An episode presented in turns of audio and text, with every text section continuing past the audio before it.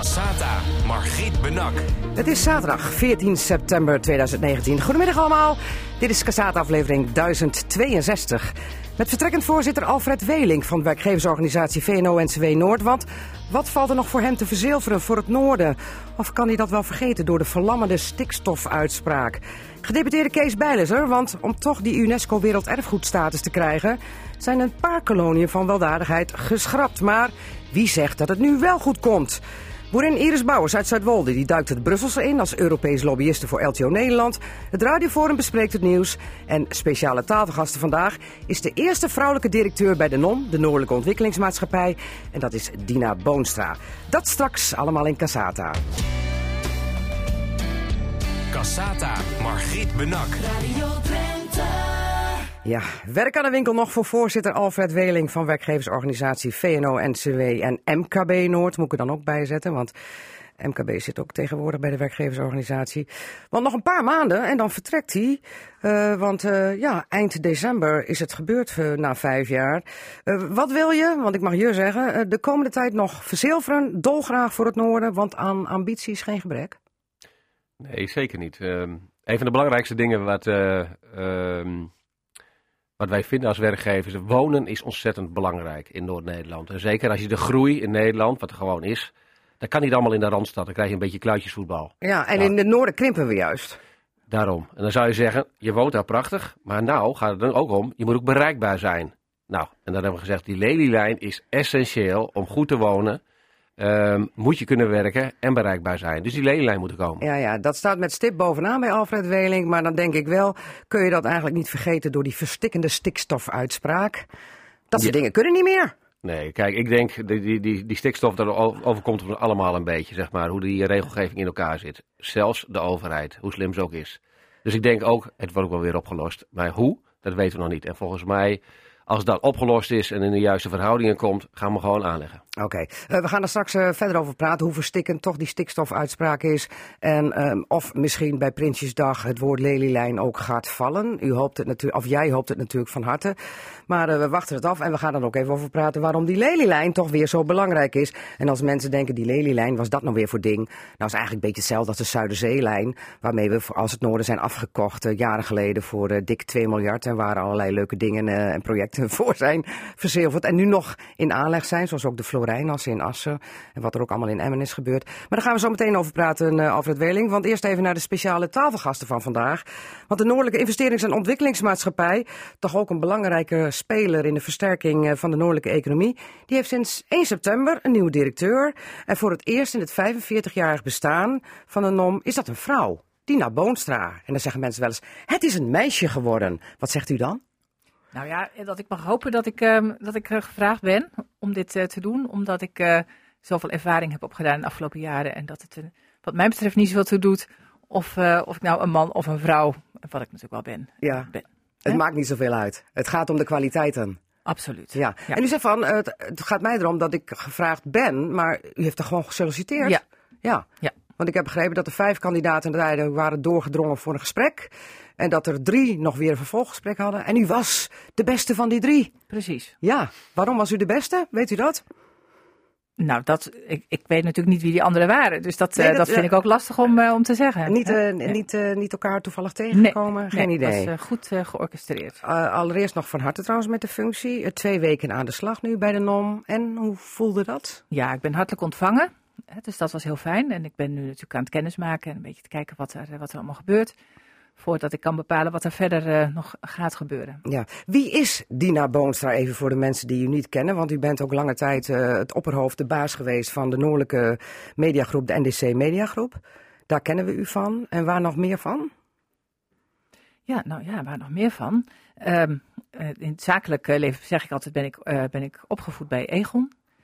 ik heb lang energie um, liberalisering van de energiemarkt gedaan bij, bij NUON.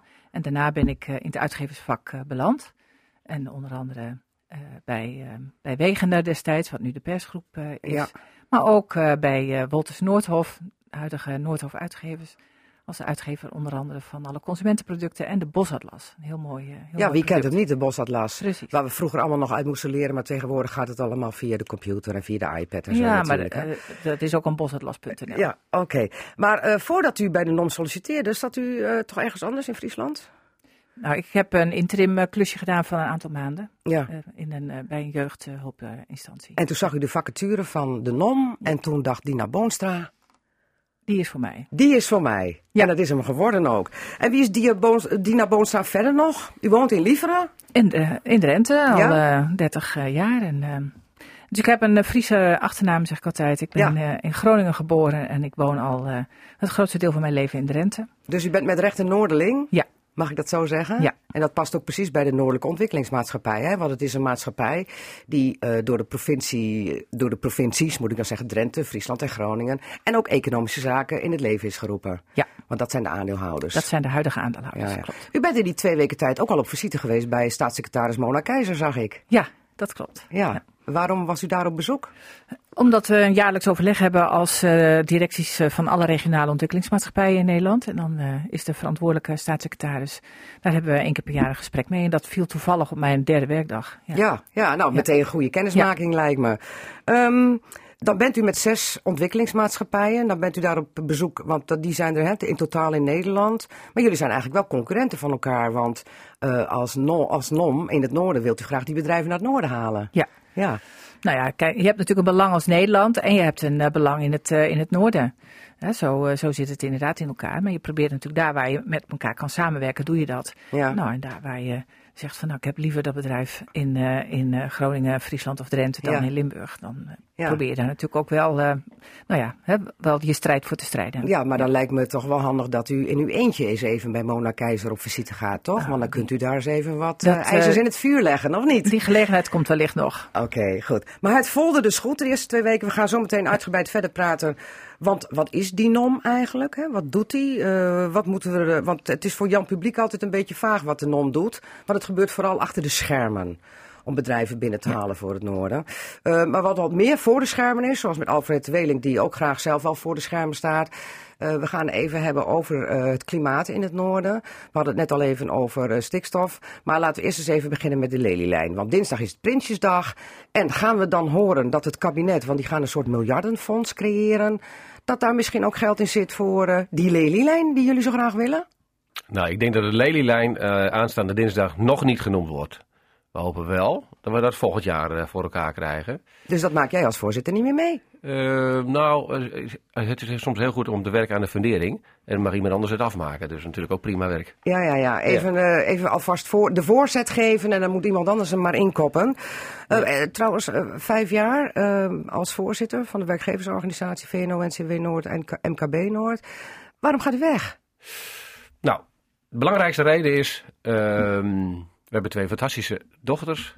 En die komen gewoon meer bij mij wonen. En VNO-NCW vraagt ook heel veel avondwerk en flexibiliteit. En dan wil ik gewoon die, in die avonden wil ik er gewoon zijn. Want even voor duidelijkheid, het is een baan erbij, hè? Want eh, wat doe je verder om Ik, eh, ben, normaal wat op je boterham te krijgen? Investeer ik in diverse bedrijven, zoals NL investeert, dus MKB-kredieten. Ehm, we hebben een medisch bedrijf wat samenwerkt met de bloedbank. Dan maken we lijm voor chirurgen om dingen eh, dicht te plakken, om het maar even plat te zeggen. Ja. Dus ik investeer in veelbelovende bedrijven. En daarnaast hebben ze gevraagd van, zou jij ook voorzitter willen zijn van de werkgeversvereniging? En daar heb ik vijf jaar geleden ja op gezegd. Ja, maar dat slokt zoveel tijd op dat de dochters bijna geen aandacht meer krijgen? Nou, valt op zich wel mee. Het is één à twee dagen. Maar als je keuzes moet maken, dan is het na vijf jaar is dit mijn keuze geweest. En het voelt goed. Oké, is het een onbezoldigd, onbezoldigde baan onbetaald of is het eh, wel betaald? Ja, je krijgt er niks voor. Zo is het. Ja, zo is het. Ja. Eh, het is papier, liefdewerk, oud papier, zeg De maar. mensen op kantoor, de directeur en de mensen worden natuurlijk zeer goed betaald. Ja, Maar het bestuur, en er bestaat, eh, ik, ik ben wel de voorzitter, maar we hebben veel bestuursleden. Eh, Zeker twintig bestuursleden. En die doen het voor niks. oké. En je moet dan hard voor het noorden hebben, wil je dit doen? Je moet in ieder geval naast je werk een visie hebben hoe Noord-Nederland zou het eruit moeten zien. En kun je de belangen goed vertegenwoordigen. En dan gaat het over wonen, dan gaat het over bereikbaarheid, dan gaat het over eh, winstbelasting, dan gaat het over inkomstenbelasting. Je moet daar een bepaald gevoel bij hebben. En als je daarmee aan de slag gaat, dan is het hartstikke leuk werk. Ja, maar is het wel een goed moment om er nou uit te stap- stappen? Want als je ziet wat er allemaal aan de hand is nu met die stikstofuitspraak. Allerlei ontwikkelingen die nu even lam worden gelegd. Even, en misschien wel voor langer. Groningen Airport Eelde valt daar ook onder in verband met het luchtvaartbesluit. Eh, het verbouwen van gevangenissen. Ik kijk dan even naar Drenthe. Woningbouwprojecten, waarvan u zegt van nou, of jij, ik moet even verder. Waarvan je zegt van nou, dat is erg belangrijk, wonen in het noorden. Eh, Zo'n lelielijn misschien wel, want eh, daar gaat ook weer stikstof bij eh, komen kijken. En het is dit toch wel een cruciaal moment om te zorgen dat het niet misgaat. En dan gaat de voorzitter weg. Ja, nou, je moet je eigen functie ook een beetje relativeren. VNO-NCW, MKB bestaat al 50 jaar. Dus dat overleeft absoluut mij, mij wel. Ehm, kijk, het werk wat er gedaan is, dat doe je natuurlijk met een hele grote groep mensen. En daar ben je soms het, het boekbeeld van. Dus Ja. het werk gaat gewoon door. En de voorzitters komen en ze gaan. En het is mijn tijd nu om te gaan. En dat doen we in december. Dus het werk blijft al eigenlijk bestaan. Want er zijn zoveel mensen in betrokken. Dus ik heb er helemaal geen enkele zorg over. Maar er moet altijd wel iemand zijn die eh, wat, eh, hè, wat ik net ook bij Dina Boom zei, wat ijzers in het vuur legt.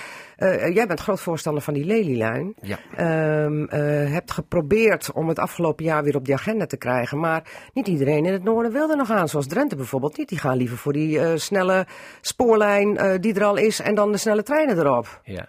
Dus ik heb niet het idee dat het nou eh, eh, een noordelijk geluid zal zijn. Nou, dat is ook eh, dat is zorgelijk.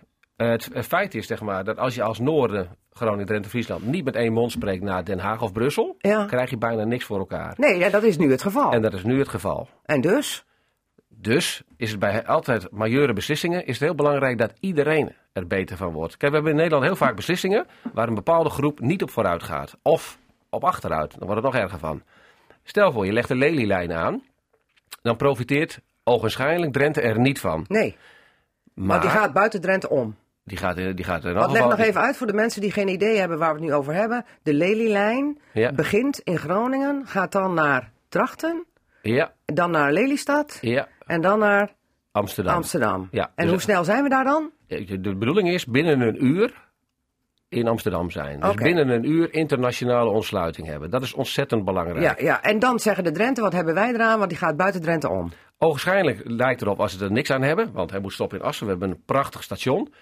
En daar zit de denkfout. Want als Groningen binnen een uur bereikbaar is internationaal, dat gaan wij met de Hanselijn, die ook aangelegd wordt, en dat is een versnelling over het bestaand spoor eh, richting eh, Zwolle en Meppel. Die moet er ook komen, vinden wij. Dus niet of, maar en. Dan gaan wij Noord bereiken. Dus als wij die lelielijn niet aanleggen, dan duurt het altijd anderhalf uur of Minimaal uur drie kwartier ja. voordat wij in Amsterdam zijn. Dus ja, Drenthe heeft er direct wat aan. Dat lijkt niet zo. Maar ik vind dat Drenthe ook wat erbij moet eisen. Ze moeten zeggen, lelielijn ja. Maar gelijktijdig willen wij zes keer per uur vanuit Assen een snelle eh, verbinding hebben naar Groningen. Zodat wij gewoon spoorboos, eh, spoorboekjeloos kunnen rijden. Maar die verbindingen is er al. Er komen zes treinen te rijden. Nou, als je dat voor elkaar hebt, dan stap je op. Ben je in 10 minuten in Groningen en dan in een uur in, in Amsterdam. Dat is Ja. 1 uur en 10 minuten. Ik denk dat Drenthe daar zeer veel op vooruit gaat. Oké, maar ehm, hoeveel kost dat ding? Ja, het is altijd ingewikkeld, maar men zegt tussen de 2 en de 3 miljard. Dus dat Oh. valt eigenlijk heel erg mee. Maar dan eh, zit ik in het kabinet en dan zeg ik, zeg Noorden, hold your horses. We hebben jullie toch keurig al dik 2 miljard eh, toegeschoven. En daar doen jullie allemaal leuke dingen mee in het Noorden. En zo'n voorbeeld is dan de Florijnas hier bij Assen. Ja. Eh, het Stadsplein in Emmen is ermee aangelegd. Wildlands heeft daar van steun gehad. Ja. Ja, jullie hebben geld gehad. We hebben jullie afgekocht. Hou op te mekkeren. Ja. Nou, Wat zeg jij dan? Eh, dat is een beetje een domme opmerking. Oh, Om een paar Waarom? redenen. Als je één keer geld hebt gegeven, wil niet zeggen dat moet je de komende 100 jaar tevreden mee zijn. Dan het andere. met andere woorden, we zijn niet afgekocht. Nee, we zijn niet afgekocht. We, we hadden daar een fantastisch idee. En er werd toen, eh, er kwam toen een negatief rendement op. En toen zeiden ze, dat moet je niet doen. Doe maar wat andere dingen ermee. Ja. Maar we hebben nu een nieuwe situatie. Als doekje voor het bloeden, zeg Ja, maar. Ja. ja. Een nieuwe situatie nu. Ten eerste zijn we verder in de tijd. En ten tweede loopt de Randstad vol. Dus Nederland heeft een probleem. Niet Noord-Nederland. Nederland heeft een probleem. Met name de Randstad. Daar wonen te veel mensen. Hebben last van stikstof. Hebben last van andere eh, vervuiling. En die moeten eigenlijk in het noorden gaan wonen. Want daar is het wonen zo fijn. Alleen, hoe kom je daar dan? Nou, en als je dat in ieder geval op een andere manier bekijkt. Dus Nederland is gebaat bij de Lelylijn. En dan kunnen ze daar wonen en werken op allerlei plekken. Oké. Maar Noorden is zo fijn, dan wil ik u er toch even op wijzen dat we natuurlijk wel een deel van Groningen hebben waar het niet zo fijn wonen is. Eens. Daar waar eh, gas gewonnen is al 55 jaar, daar waar mensen scheuren in huizen hebben, daar waar mensen bang zijn in hun eigen huis te blijven en daar waar mensen al jaren bezig zijn om schadevergoeding te krijgen. Ja. Is dat nou eigenlijk wel zo goed imago om naar het noorden te komen? Nou, als je de problemen niet oplost, is het inderdaad een heel negatief imago. Maar eigenlijk ehm, zijn we daar eigenlijk veel te lang politiek in blijven hangen. De schuldvraag en hoe moet je het oplossen. Ja. We hebben heel vaak bepleit, binnen 24 uur keer de schade uit. En als de mensen schade hebben in een gebied van 25.000 euro, keer het binnen 24 uur uit. En die mensen kunnen zelf de schade oplossen. En ze kunnen ook met foto's bijhouden wat de schade is. En dan kun je achteraf, eh, binnen twee jaar, kan de overheid controleren, heb je die schade wel gehad en gemaakt. En is het goed, dan kun je het zelf doen. Als we dat eerder hadden gedaan, was het imago ook heel anders geweest. Dan hadden we misschien nog wel bepaalde dingen eh, eh, uit de grond kunnen halen. om Ja, want dat wordt nu dan hè, versneld stopgezet. Ja. Over drie jaar is het de bedoeling dat de gaskraan definitief dicht gaat. Wat nog niet wil zeggen dat de ellende dan voorbij is. Want dan nog kun je aardbevingen krijgen. Ik vind het een stoer besluit en een gevaarlijk besluit. Want, Nou, het is stoer om gewoon een gaskraan dicht te doen, want eh, eh, iedereen wil van, eh, van die ellende af. Maar als wij hem dicht doen en we hebben geen alternatief voor al die banen die er zijn op het gebied van energie, dan hebben we echt een probleem in Noord-Nederland. Dat betekent dat we nog minder banen hebben zometeen. En dan gaat het nog sneller. Dus de krimp gaat, wordt versneld doorgezet als er alleen de gaskraan dicht gaat.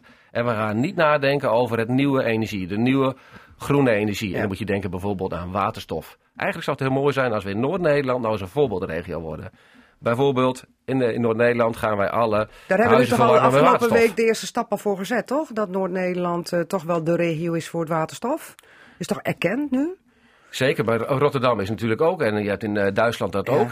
Belangrijk is dat je het wel doorzet en snel uitpakt en oppakt. Dus eigenlijk, wat mij betreft mogen de huizen verwarmd worden als een van de eerste eh, gebieden in, eh, in, de- in de wereld met waterstof. Maar zo snel zijn we niet, want over drie jaar gaat die gaskraan dicht. Wij zijn nog niet zo ver dat we dat over drie jaar kunnen opvangen met die waterstof. En daar zit dus de zorg. Als je dat dus inderdaad, dus ik vind het een stoer besluit en een gevaarlijk besluit. Het gevaar zit hem erin als je dat zomaar doet en je kijkt niet naar de banen die daarmee geboeid zijn, dan gaat de krimp versnelt zich. Ja, want ik wou daar ook nog zeggen van het is ook een precair moment, omdat inderdaad met het stopzetten van die gaswinning heel veel werkgelegenheid voor het noorden ehm, verdwijnt. Ja. Omdat er heel veel bedrijven buiten de NAM om ook gelieerd zijn aan die gaswinning. Hè? Zeker. Eigenlijk zijn is allemaal het- toeleveringsbedrijven waar heel veel mensen werken. Ja, kijk, hetzelfde is in Friesland. We willen nu eh, nog van, vanuit de politiek willen we de veestapel halveren. Waanzinnige stoere opmerking. Maar in Friesland hebben we wel een enorme dairy, dus heel veel zuivelbedrijven, die daar zijn. Wat je dus moet doen, je moet de zuivelindustrie vragen, wat is de next level? Waar gaan jullie naartoe? En gaan we allemaal plantaardig zo meteen eiwitten eh, op een of andere manier krijgen? En hoe gaan jullie dat dan doen? Als dat de nieuwe voedingsbron voor de toekomst is. Ja. Dus ja, stoere uitspraken, heel goed. Vooral ook doen en doorzetten. Maar vraag wel de sector.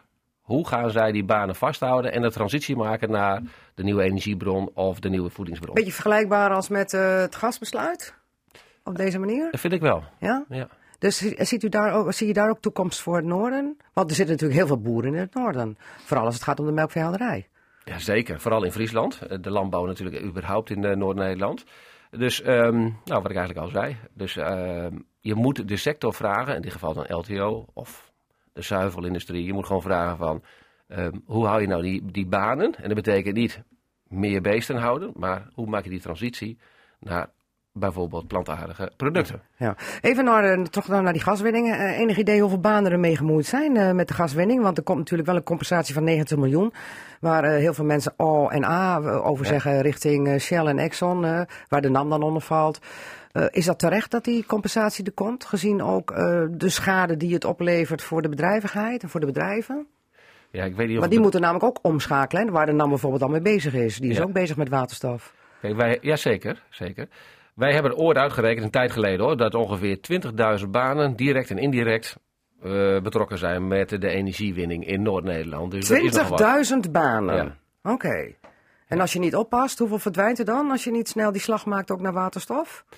Nou, ik denk dat het eh, gedecimeerd wordt, dat je misschien 10% overhoudt. Want waarom zou een NAM, een GasUnie of een Gasterra en andere geleerde bedrijven hier nog moeten zijn? Ja. Maar die moeten dan nogmaals de transitie maken naar bijvoorbeeld waterstof. En daar hebben ze ook de tijd voor nodig. Dus wat mij betreft moet die investering op dat gebied moeten omhoog. De snelheid moet gemaakt worden. Maar wie moet er aan die kar gaan trekken? Jij bent straks weg als eh, voorzitter die dit gevaar ziet. Ja, Wie gaat die kaart trekken? Om te voorkomen dat dit dreigt voor het noorden, want dat is desastreus. ja. Nou, gelukkig hebben wij eh, als eh, VNO, NCW en MKB ook gevraagd aan de overheid van... we hebben een soort economic board nodig. Economic board Noord-Nederland. En Die heb jij toch opgericht? Ja, die hebben wij opgericht met elkaar. En dat betekent dat onder andere grote majeure investeringen, of die heel belangrijk zijn voor de werkgelegenheid of voor wonen, dat we die daarin bespreken aan die tafel. En dan moet je zien, daar zitten eh, mensen vanuit de overheid in, de gedeputeerden, daar zitten ondernemers in die goede ideeën hebben. Eh, mensen van het onderwijs eh, zitten daarin. De NOM zit erin? Ja, Ja? zit ook in de uitvoeringstafel. We hebben zeg maar een, een, visietafel en een uitvoeringstafel. Ja. Dus de mensen die inderdaad ook bij de NOM werken, of bij VNO-NCW, of bij economische zaken, die, zit, die denken na over, is het realistisch, is het haalbaar? En waterstof is een heel belangrijk punt daar geworden. Hm. Maar goed, visie is mooi, maar het gaat om de uitvoering. Immer. Ja, immer. Ja, ja. Hoe dichtbij is dat? Want daar zal dan toch geld voor moeten komen, denk ik. En er is nu een miljardenfonds, Ja. is al aangekondigd. Ja. Staat het noorden vooraan? Nou, ik vind dat wij niet vooraan staan. En dat zou wel moeten. Kijk, de miljardenfonds, er wordt gesproken over dat de overheid 50 miljard gaat investeren. Ja? Ehm, wat ons betreft moet het 100 miljard worden. Want de, de rente Een verdubbeling. Is, ja, de rente is eigenlijk negatief. Nou, als je min 1% krijgt op 100 miljard, krijg je elk jaar een miljard. Nou, een snelle rekenaar ziet al, in twee, drie jaar heb je de lelielijn. Om niet. Dus gratis. En als je zo blijft dat investeren, klinkt wel heel mooi, gratis de lelielijn. Zo kan jongen, het. Jongen, jongen. zo kan het. Maar zo kan het. Alleen, eh, en dan zeg jij van, eh, het noorden staat niet vooraan, het zou wel moeten. Aan wie ligt dat? Aan onszelf. Oh, Kijk, jij noemt net een prachtig voorbeeld. ja? Eh, de lelielijn, eh, daar hebben we verdeeldheid over. Ja. De rente kijkt daar schoorvoetend naar, want die denkt bij zichzelf, wat heb ik daar aan? Ja? Of eh denk bij jezelf, eerste handse lijn.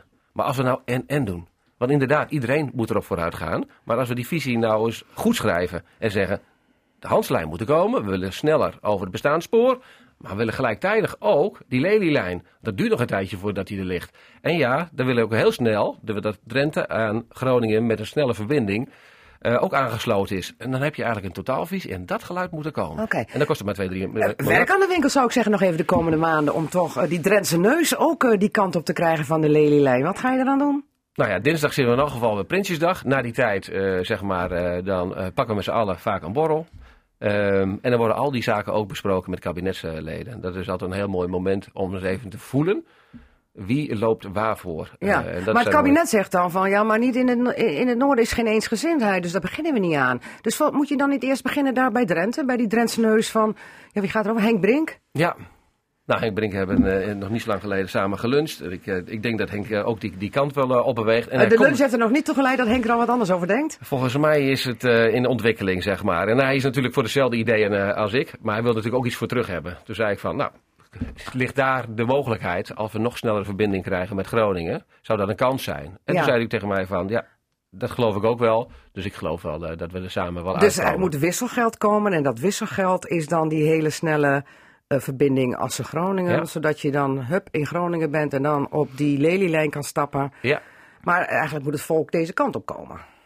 Dat, is de bedoeling. Ook. Dat kan dan ook, hè. Als je bijvoorbeeld in Amsterdam woont... je bent binnen een uur in Groningen... De Ja. meeste mensen woon-werk, het moet eigenlijk niet meer zijn dan 50 minuten. Nou ja, dit is ietsjes meer, dus dat is wel een, wel een dingetje. Maar een uur is heel goed te doen. Ehm, en Nederland is eigenlijk natuurlijk gewoon een stadstaat. Dus als je binnen een uur overal kunt zijn, dan maakt het toch niet meer uit waar Ja, je maar het gevoel in het Westen is altijd nog, moet ik dan helemaal naar het verre noorden. Dat klopt. Ja. Maar eigenlijk is dat natuurlijk een, bi- een bijzondere opmerking als je in Londen zit, of je zit in Tokio, of welke maar je wereldstad. doet er niks aan. Dus binnen een uur dan ben je aan de andere kant van de stad. Ja, maar ja, je doet er niks aan. Het zit eh, tussen de oren. Eh, even tot slot. Eh, jij bent iemand die die lelielijn bovenaan die agenda wil zetten. De Drentse neus van Henk Brink moet nog omgebogen worden. Die opvolger van Alfred Weling, wat moet hij in zijn mars hebben? Ehm, ik denk dat het heel belangrijk is verbindend zijn. Dus dat wil ik af en toe wat mis. Ja. Tegenwoordig moet iedereen in elke functie verbindend zijn. Dat Nou, zo'n dooddoener. En als ik daar nog iets aan mag toevoegen, Ja, Nina je had het net over dat het eh, een automatisme is. Wat moet de opvolger, wat moet hij hebben? Ja. Hè? Ehm, ik denk dat we dan ook een beetje breder moeten kijken. Mannen, vrouwen, diversiteit in de brede zin. Oké. Ook voor dit onderwerp. Dus eh, een, Ik wil een vrouw, warm pleidooi voor een vrouw. een vrouw op die post. Ja, nou dat kan toch prima. Een vrouw met ballen. Hè? Ja, zoiets ja. Zoiets, ja. In ieder geval Ja. verbindend. Ik vind die Ja. kwaliteit wel heel erg belangrijk. En verbindend bedoel ik mee, je moet wel af en toe de bal in het veld trappen. Ja. Maar, hè, en daarna moet iedereen het spel ook gaan spelen. Ja. Dus er is best wel lef voor nodig om eh, dingen te doen. En daarna moet je wel weer inderdaad verbindend optreden met elkaar. Om te zeggen van oké, hoe gaan we dat nou doen? En die lelielijn is daar een prachtig voorbeeld van. Oké. Eh, heel kort tot slot. Waar ben je als voorzitter het meest tevreden over wat je de afgelopen vijf jaar voor elkaar hebt gebokst eh, als voorzitter van die werkgeversorganisatie? Niet een hele lijst, gewoon één ding. Wij zijn als ehm, vereniging veel meer naar inhoudelijke thema's gegaan. Waterstof bijvoorbeeld. is Ja. echt een, eh, iets dat had, was zonder onze club had het niet op de agenda gestaan. Hetzelfde voor lelielijn. Maar als ik één ding moet zeggen, waterstof. Oké. We gaan het volgen eh, hoe het afloopt met het Noorden zonder Alfred Weling als voorzitter van VNO-NCW Noord. Maar goed, de bal ligt eh, in het midden en die moeten nu ingekopt worden of ingetrapt worden door anderen. En we gaan het afwachten of ook Drenthe achter die lelielijn gaat staan. Om er toch iets meer kans op te maken om daar geld voor te krijgen. Alfred Weling, dankjewel. En succes met alles wat je hier verder nog gaat eh, doen hierna. Dankjewel. Cassata. Altijd in de buurt.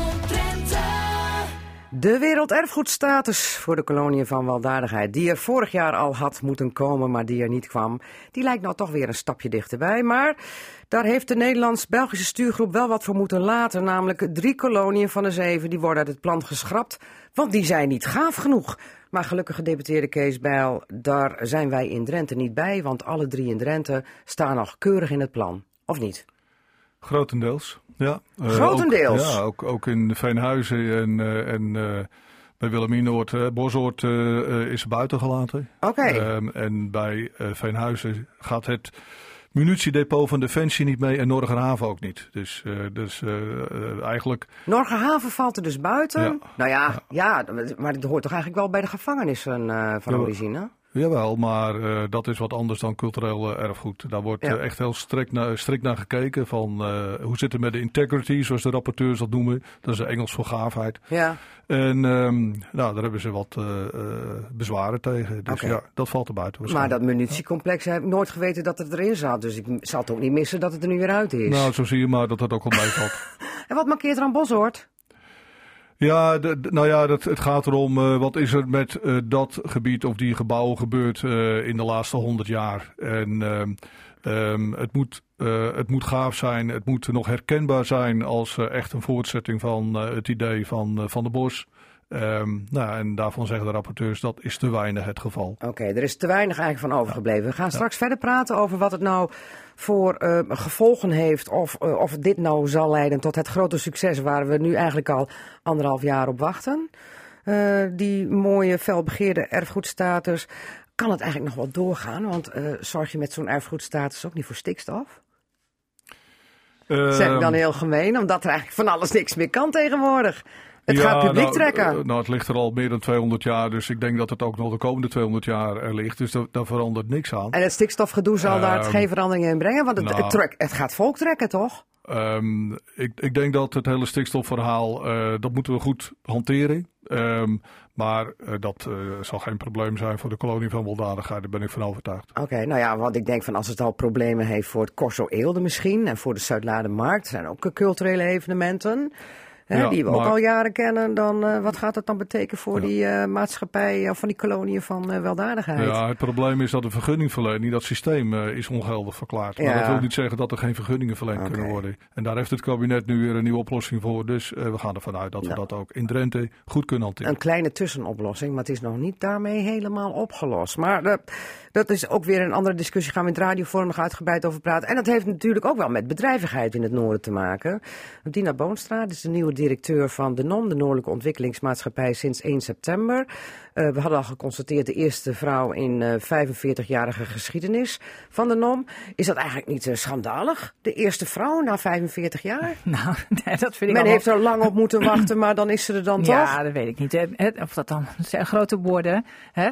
Ik heb hele illustre voorgangers eh, die eh, allemaal heel goed werk eh, verricht hebben. En, nou, en het is nu aan mij om dat werk Ja. voor te zetten. Ja. Ehm, als ik dan kijk wat de capaciteiten zijn van Dina Boonstra, dan heb ik te horen gekregen. In moeilijke situaties, zoals bij de NDC Media Groep, heeft ze laten zien dat ze een stevig bestuurder is. Die met empathie en creativiteit een groot bedrijf weer op koers kan brengen. En ook houden. Want toen u daar binnenkwam bij de NDC Media Groep, moest er flink gesaneerd worden, toch? Bezuinigingen? Waren er verliezen? Nou, dat, eh, dat klopt en dat, eh, dat hebben we ook eh, gerealiseerd. En kijk, ik heb altijd gezegd, de, de, mediasector is wereldwijd ehm, in grote problemen. Mhm. Hè, dus het is niet, niet een unieke situatie dat het in het noorden het geval is. Wereldwijd, in Europa, in Nederland en ook bij dit bedrijf. Ehm, en daar is ook een grote transitie gaande van puur print naar, ehm, naar een uh, media marketing eh, bedrijf.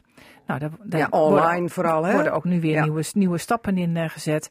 En dat blijft de komende jaren ook nog best een, eh, een sector die het moeilijk eh, heeft. Ja, maar het is al niet zo dat Dina Boonstra is benoemd omdat ze bij de NOM een saneerder nodig hebben? Nee hoor, nee. Nee, hè? Nee. Nee, nee we, we hoeven ons geen zorgen te maken daarover. Nou, ik, moet, ik ben eh, nu net twee weken aan de gang, dus ik moet eens even kijken wat, wat daar allemaal eh, gebeurt. ja. Maar dat, ja, maar dat is natuurlijk een hele andere situatie. Oké. Dina is stevig, rustig, overdenkt alles goed, weet snel te acteren als het nodig is en een prettige persoonlijkheid. Nou, kijk eens aan. Ja, wat een kwaliteiten allemaal, Nou, wat u toegedicht, Ja. hè? U glundert ervan. Nou, ja, dat zijn allemaal mooie dingen. Ja, ehm, verbondenheid is er nodig met het noorden en ambities die eh, er zijn om zich voor het noorden in te zetten. We hadden al geconstateerd dat u een Noorderling bent eh, en u heeft ambities voor het noorden als directeur van de NOM? Nou ja, dat is natuurlijk inherent aan de doelstelling van, eh, van de NOM. Ja. Hè, om daar waar de markt een aantal dingen niet kan of laat liggen, dat, eh, dat de NOM, een NV, gefinancierd met overheidsgeld, eh, wel een aantal risico's kan nemen die de markt wellicht niet kan eh, nemen. Nou, Ja. daar ben ik van plan om mijn beste beentje voor te zetten. Uh, gedeputeerde Kees Bijl gaat over de financiën in Drenthe, dus die heeft ook rechtstreeks met de NOM te maken, nog niet? En u dan ook met Kees Bijl, of niet? Of heeft u vooral met, Nee, met Henk Brink Henk te Brink. maken, economische Ja. zaken? Oké. En als u dan naar Alfred de Weling luistert en zijn dringende wens om de lelielijn, wat zegt u dan als directeur van de NOM? Nou, ehm, ik, ik, ik denk dat het eh, heel interessant kan zijn om een lelielijn eh, te hebben, maar daar heb ik nog niet eh, een hele expliciete mening over. Het gaat, bereikbaarheid is natuurlijk heel belangrijk. Ja. Wonen en werken, die combinatie daarvan. Ik denk dat wij vooral ons richten op ervoor te zorgen dat er hele interessante bedrijven naar Noord-Nederland komen. Want ik, ik constateer al dat de NOM eigenlijk voor Jan Publiek eh, een organisatie is eh, die eh, vrij onbekend is. Maar hè, dan heb je toch een jaarverslag, laatste jaarverslag, waaruit blijkt dat er wel bijna 800 miljoen is geïnvesteerd door de NOM. wat geleid heeft tot eh, 500 eh, arbeidsplaatsen. Nee, nee, het zit, het een beetje anders. Oké. Ehm, de- ik, ik citeer ook maar uit werk van een collega hoor. Ja, nou, ja, ja. Het Eh, het is zo dat eh, de NOM investeert in bedrijven en die bedrijven investeren in eh, Noord-Nederland. En dat laatste bedrag, die 870 miljoen, dat is het bedrag wat de bedrijven hebben geïnvesteerd waar Ja. de NOM in investeert. Dus geparticipeerd die- heeft. Precies, die Ja. 871 is niet geld van, van de Van de NOM. NOM, nee, nee, Nee. Want hoeveel geld heeft de NOM eigenlijk? Want u krijgt geld van uw aandeelhouders om leuke dingen, of Nou, bijzondere le- dingen mee te doen. Niet leuk, maar Ja. die goed zijn voor de noordelijke economie. Ja. Ehm, het Wat is- toch eigenlijk, eigenlijk wel leuk is natuurlijk. Dat, precies. Hè? Tenminste, ik vind dat leuk. Ja. Ehm, het gaat erom dat we hebben enerzijds een participatiebedrijf, Ja. hè, waar eh, geld geïnvesteerd wordt in ondernemingen. Ehm, risicovol. Iets eh, risicovoller dan eh, banken dat kunnen doen. Ja, maar dat is net het kleine wel- eindje wat, wat nog mist, wat banken niet willen opvullen. En dan ziet de Ja. er toch heil in zo'n bedrijf. En die denkt van, wij nemen het risico dat wij er met geld instappen. Dat, dat, is, en dat is één poot. En de andere poot is ja, wat wij business development eh, noemen. Wat net ook even aan de orde kwam toen het ging over de economic board. Daar hebben we ook een rol eh, in. Ontwikkeling. Dat we, dat, we met, dat we met elkaar nadenken over wat voor vervolgstappen zouden er gezet moeten worden. En welke projecten zouden er op gang ge- eh, moeten komen. Dat is een andere poot. En een derde is natuurlijk het samen met economische zaken en klimaat. Om ervoor te zorgen dat, dat er mooie bedrijven naar, vanuit het buitenland naar, naar Noord-Nederland komen. Ja. En zou het dan helpen als die bedrijven naar Noord-Nederland gelokt moeten worden, dat er dan toch zo'n lelielijn loopt straks? Nou, dat, dat, zou- dat zou eh, interessant kunnen zijn, denk ik. hè. Oké. We gaan straks na één uur uitgebreid praten over uw missie. Precies, bij de NOM. En ook nog even, eh, eh, u bent directeur, maar hoeveel mensen zitten er nog meer bij de eh, NOM? Over wie bent u eigenlijk de baas? Ja, dat klinkt altijd zo raar, hè? De baas, de hond heeft een baas. Maar wat is dat nou voor organisatie? Wat voor mensen werken er? We gaan eerst even naar Kees Bijl natuurlijk. Van, eh, want ja, het is weer een stapje dichterbij, wordt dan gezegd. Hè? Eh, die eh, wereld... belang- echt, die is echt een hele grote stap, stap Niet een stapje, een dikke stap. dit is echt een stap voorwaarts. De Ja, laatste stap. de laatste stap moet nog komen, maar dit is een, een reuzenstap. Een reuze stap. Ja. Oké, en Kees Bijl neemt die heel graag. Maar ik meen toch te hebben begrepen vorig jaar van u dat u zei van... we gaan met z'n allen door. Want toen was al gezegd door ICOMOS, geloof ik, de adviesgroep. Ja. Van ja, ehm, het is toch allemaal niet gaaf genoeg. We, we zien het niet als één groot geheel. Die zeven koloniën bij elkaar. En toen heb ik u toch horen zeggen van nou ja, we gaan toch met z'n allen ervoor gezamenlijk. Ja. Wat dat- heeft nou toch de, dat inzicht doen veranderen? Nee, we, we zijn nog steeds met z'n zeven, hè. we gaan met z'n allen door. Eh, Maar er worden wel drie de, groot- de grootste winst is dat ehm ICOMOS een jaar geleden zei nou, eh, dat, dat de vrije en de onvrije kolonie, dat is niet één systeem. Eh, en we zien hooguit op termijn voor Frederiksoord en heel, heel misschien voor Wilhelminaoord wel een kansje. Nou, met heel veel mitsen, maren en kritiek. Dat hebben we gezegd met z'n allen, ja, dit, dit kan niet. Wat leg even uit? Eh, Veenhuizen, dat weet iedereen. Dat is natuurlijk de strafkolonie geweest. De onvrije kolonie. Eh Frederiksoord en uh, Wilhelminaoord waren de vrije koloniën.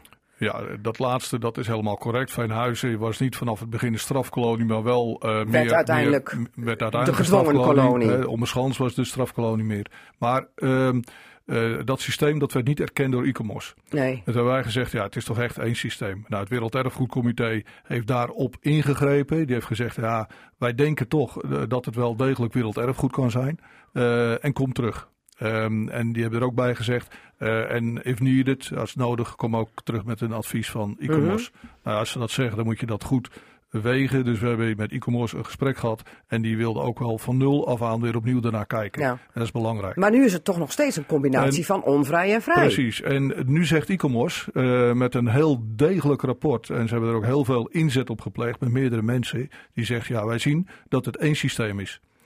Vrij en onvrij is één systeem. Oh, zij zijn in ieder geval door de bocht. Zij zijn, ze zijn om. Eh, en ze zeggen ook, het gaat niet alleen om de eerste tien jaar, maar daarna, die tientallen jaren daarna, hebben die koloniën zich eh, doorontwikkeld. Ook dat zien wij als een verrijking van het hele systeem. Ja, want even voor de duidelijkheid, 200 jaar hè, bestaat de kolonie. 200 jaar en eh, dat is niet Bestond al- vorig jaar. eh, Vorig jaar, ja. Dat was is Ja. de oudste. Ja. En, en wat er nu allemaal staat is niet in een paar jaar gebouwd, dat is in tientallen jaren gebouwd. Ja. Dus ze erkennen de samenhang van de systemen, vrij en onvrij. Ze erkennen ook de doorontwikkeling in de jaren daarna. Want, maar, ja, maar dan, dan hebben we straks vier koloniën. Veenhuizen, hè, de, on, de onvrije. Frederiksoord en Wilhelminaoord als de vrije. Ja. En wat is Wortel trouwens? Wortel, Met alle respect. In eh, Vlaanderen. Ja, Wortel is eh, ook een vrije kolonie. Oké. Dus we Ja, hebben, zo is het begonnen. ja, we hebben één onvrije. Die gaan dan met z'n vieren verder. Nee, ehm, eh, het Werelderfgoedcomité wordt naar mijn verwachting voorgelegd om de kolonie van weldadigheid te erkennen Ja. als werelderfgoed. Ehm, eh, het systeem en alles wordt erkend. Het punt is dat bij. Maar niet eh, alles krijgt bij- de status. Bij zes van de zeven ze kritiek hebben op de gaafheid. Bij zes van de zeven bij maar zes van de zeven. Alleen wortel blijft eh, volledig in stand. Eh, ik gaf al aan, ook Veenhuizen, ook Boshoort, eh, die kennen dus onderdelen die er niet buiten, die er buiten gaan vallen. Ja, omdat ze niet gaaf genoeg zijn. Omdat die onderdelen niet goed passen in dat beeld. Oké. Ja. Ehm, van Merksplas wordt gezegd, nou, eh, op dit Ook in moment, Vlaanderen? in Vlaanderen, op dit moment eh, kunnen wij niet beoordelen of het wel of niet eh, passend is. We zitten volop in de restauratie. Als dat klaar is, kom terug. Oh, Dus wanneer is die restauratie Dus klaar? voor Merksplas zit er op termijn ook nog een mogelijkheid in om alsnog ingeschreven te worden als wereld, werelderfgoed. Is het dus niet definitief van tafel? Nee, nee, nee, Oké, nee. maar u gaat nu toch wel, drie zijn er geschrapt in ieder geval in het plan. Eh, ze blijven wel meedoen, maar die krijgen dan niet een bordje bij de deur van eh kijk eens eh, UNESCO Werelderfgoed. Eh, Als- al- als bord- het bord- allemaal zover komt. Dat, dat, bord- dat bordje dan niet. We zitten ook nog in de race voor het erfgoedlabel Europees erfgoed. Ja, dan en zijn ze dat- wat minder streng. En daar nou, die kijken we naar andere dingen. En daar spelen de bezoekerscentra van Merksplas, Frederiksoord, Veenhuizen en Ommerschans. Die spelen daar weer de belangrijke rol in. En we hebben gezegd, we blijven met z'n zevenen bij elkaar. Het is ook één verhaal, dat blijven we uitdragen. Eh, in Wortel zie je prachtige eh, eh, structuren, maar voor de rest niet zoveel. En Merksplas heeft juist een gebouw en bezoekerscentrum. Ja, en het zou raar zijn om dat niet aan Ja. elkaar te koppelen. Ja, want anders zou je bijna denken dat ze dan in Wortel ook nog een apart bezoekerscentrum moeten hebben. Want het ligt dicht bij elkaar. Ja, hè? dat je dan... elkaar. Nee, maar dat gaat niet gebeuren, want eh Merksplas eh, heeft de functie van bezoekerscentrum voor Wortel en Merksplas. Maar wie zegt Kees Bijl dat het nou wel goed komt? Want u kwam vorig jaar, eh, ik heb hier allerlei mensen aan tafel gehad die het helemaal zagen zitten. We zitten geramd, het komt goed, bladibla. Toen kwam u vorig jaar terug en toen was het niet oké. Nou, dat, dat, eh, dat heb ik niet gezegd van tevoren dat het allemaal goed kwam, want dat rapport wat er lag van Icomos, dat was echt dramatisch. Ja, Dat was, dat was zo negatief. ja maar voordat toen- het ICOMOS-rapport er kwam, hè, bedoel ik. Ja, ja, maar goed. was dat, iedereen eh, euforisch, gaat, ge- gaat gebeuren nou ja, in de is- viering van het 200-jarig bestaan. Ja, ja, ja, maar ja, je, moet, je bent soms wel eens wat eh, eh, als direct betrokkenen misschien wat te enthousiast. Dat is ook helemaal niet verkeerd, dat is betrokkenheid. Eh, maar eh, het is wel Zoiets een, heb ik ook gehoord over de ijsbaan in, het is, in het is wel, het is wel eh, een serieuze zaak, dat Werelderfgoedcomité. En ze vinden eigenlijk al dat in, eh, in het Westen er te veel zijn. Dus de lat ligt voor eh, Europese landen hoger dan voor eh, landen eh, in Afrika of Azië. Oh, Oké, ze Dat kijken is- ook nog een beetje mondiale spreiding. precies, het is ook een politieke afweging. Dus voor Nederland ligt die lat al bijzonder hoog. En ze hebben gewoon gezegd eh, in het eerste rapport, jongens, dit lijkt nergens na. Nou, daar waren wij het niet mee eens. Nee, dat en, weet en, ik. en de Belgen ook niet. En we hebben daar een goede lobby op gezet. En dat heeft ertoe geleid dat het Werelderfgoedcomité zei: Oké, wij denken dat het eh, werelderfgoed waardig is, maar kom terug. Wij moeten dus een nieuw dossier indienen. Dat Ja. gaat gebeuren. Oké, en dat nieuwe dossier bevat dan eh, eh, de vier Ja. eh, koloniën. Ja. Want ik vroeg me ook al af van, goh, waarom ga je niet gewoon voor eh, de Nederlandse koloniën? Waarom moet Wortel er nog bij? Maar als ik dan hoor dat dat nog puntgaaf is, Nou, omdat, dan is dat om- wel weer een sterk merk. Maar dat zou eh, een ontkenning zijn dat het één systeem is. En wij, eh, kijk, Nederland en Vlaanderen was vroeger was dat één land toen dat Ja, speelde. ja, ja. Eh, dus vandaar dat dat ook zo ontstaan is. En we moeten ons nou niet door landsgrenzen laten leiden, ook niet door provinciegrenzen. Het is één systeem, dat hebben we steeds gezegd. En daar geloven we heilig in. En dat is door ICOMOS nu eindelijk erkend. En is het ook een beetje van beter iets dan niets? Nou, ik, Want als u ik- doorgezet had met alle zeven eh, toch in het plan houden, dan was het niet wel geworden, Nou, toch? ik, ik denk dat je eh, wat, wat nu ingeschreven gaat worden tekort doet met eh, iets. Ehm, eh, eh, het is gewoon heel essentieel dat, dat eh, ja, Veenhuizen zit er bijna helemaal in. Uh, Frederiksoort en Wilhelmina wordt eigenlijk ook. Ja. Eh, de, de vierde part wat ook nog de, de provinciegrens overgaat naar Friesland. Dat stuk zit er ook eh, voor een eh, Hoe heet dat, de vierde? Vierde parten, ja, vierde parten oost en vierde parten west. Oh. Ah, ja, ik ben eh, helaas nu dis- de, de- bijna deskundig geworden in dat hele dossier. Ja, het lijkt een beetje op eerste dwarsdiep links en eerste dwar- dwarsdiep rechts en Ja, eh, ja, dat soort zaken. Zo is het. Ja. En, ehm, eh, dus eh, we zijn juist heel blij dat er wel hele grote delen in zitten. De essentie zit erin. Het merk Plastisch kan op termijn, naar Ja, mijn overtuiging, aanhaken. een eh, goede kans maken. Ja, en ehm, het lastige is met Willemsoort bijvoorbeeld dat er nog wel dingen herkenbaar zijn van, van de tijd van de kolonie van weldadigheid. Ehm, maar er is zoveel tussen gebouwd de laatste honderd jaar, eh, waardoor eigenlijk ja, die gaafheid. De structuur weg is, ja, er loopt een weg doorheen, ik ben ik geen deskundige, maar als Ja. je de Rijksdienst vraagt voor cultureel erfgoed, die zeggen, nou ja, e-commerce heeft wel een punt. Nou, Hmm. Dan moeten we ons ook bij de werkelijkheid En toen dachten neerleggen. jullie van jongens, laten we wijs zijn en even terugkeren op onze schreden en toch kijken wat het meeste kans van slagen heeft. En dit heeft het meeste kans van slagen. En u gaat... Nou, eh, ik, denk dat e-commerce is teruggekeerd op zijn schreden, want die zei dat het geen samenhangend systeem Oké, was. maar jullie En, hebben eh, ook een beetje water bij de wijn moeten doen, wij, toch? Wij, wij hebben natuurlijk eh hoop je op meer, ja, want, maar dit is wel een hele mooie stap voorwaarts. want Overijssel is nu de pineut, want Ommerschans verdwijnt eruit en Willemsoord. En dat zijn nou juist hun jokers geweest om mee te doen. Ja, maar als je de wethouder van Steenwijkerland hoort, eh, die eh, is daar eh, zeer constructief mee omgegaan. En die zegt, wij zitten nu in de samenwerking met Ja. Frederiksoord en dat laten we ons niet afpakken. En dat is ook zo. En dat was uw eerste vraag. Gaan jullie met z'n zevenen door? Het antwoord is ja. Oké. In januari is de presentatievergadering in Parijs. Daar gaat Kees Bijl naartoe als voorzitter van de Nou, stuurgroep. Dat, dat hoeft misschien niet. Nee? Nee, is toch leuk even naar Parijs? eh, nou, het is een hoop eh, kilometers. Hij moet ook om het milieu denken en de Stikstof. stikstof. Ehm, dus dat schrappen we dan alweer eh, als, eh, als eh, nee, maar het, het, is, het is vooral ook een administratieve zaak. Het is al een keer ingediend. Ja. Er moet nu een, een, een nieuw dossier ingediend worden. Ja. Dus ik denk Er moeten wat we... bladzijden uitgescheurd worden omdat die nou niet meer meedoen. Nou, het ligt wel ingewikkelder. Onze mensen hebben een bult werk te doen. Ja. Maar we gaan er wel alles op alles zetten om dat op tijd in te dienen. Wat is nou eigenlijk het belang dat we dit willen? Want er komt straks niet een schip met geld binnen. Nee, we moeten zelf juist de, de activiteiten ontplooien om het ook in stand te houden. Ehm, maar ehm, eh, ja, waarom besteden jullie er aandacht aan? Omdat het toch wel bijzonder is eh, dat je die status hebt. Wat een Er slimmerik, hè? Er zijn, er, er terug. zijn er maar tien in Nederland. Ja. Dat zijn niet de minste dingen. En er, er zullen er ook niet zoveel meer bij komen in Nederland. Het is echt wel iets bijzonders. Jullie, China, Ja, daar gaat u wel naartoe. Ja, dat, ik ben bang Ondanks de dat ik daar, stikstof. Ik ben bang dat ik daar wel naartoe moet. Ja, En dan komt Kees Bijl thuis en dan zegt hij, joegij, zo is het. gelukt. Ja, Ja? daar ben ik van overtuigd. Nou, wij gaan het in de gaten houden, omdat Ja. het de vorige keer ook misging. Eh, ik, hoop, ik help het u nee. open. Eh, In het Drentse belang helpen we het iedereen De, hopen. de vorige keer was ook al een succes, omdat we toen het negatief advies hebben omgebogen in eh, kom maar terug. Radio Drenthe, Cassata. Het is ruim vijf minuten over één alweer. Welkom bij het tweede uur van deze Casata-aflevering 1062. Met straks het radioforum over het stoppen van de gaswinning, de ijsbaansoop in Hogeveen, de stikstofmisère en Prinsjesdag. Want met welk hoedje komt Agnes Mulder, ons CDA-kamerlid, uit Assen straks tevoorschijn komende dinsdag? En met de Drentse boerin Iris Bouwers op missie in Brussel voor LTO Nederland.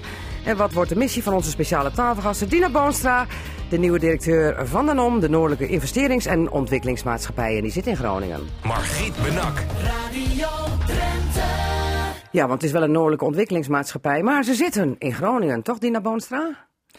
Eh, Het de, kantoor? en de meeste mensen werken in Groningen, sommigen in Drenthe en sommigen in Friesland. Ja, hebben we ook nog een kleine vestiging in Drenthe? Het MKB, Dre- eh, het MKB Fonds Drenthe eh, opereert vanuit eh, Drenthe. Oké. Ja, en en het- Friese Fonds vanuit Friesland. Ja, dus het is toch wel een beetje noordelijk. Maar het is, het- eh, nou ja, alle activiteiten vanuit, eh, vanuit de NOM in de brede zin zijn allemaal voor Noord-Nederland. Ja, want eh, de drie provincies zijn aandeelhouder, net als het ministerie van Ja. Economische Zaken.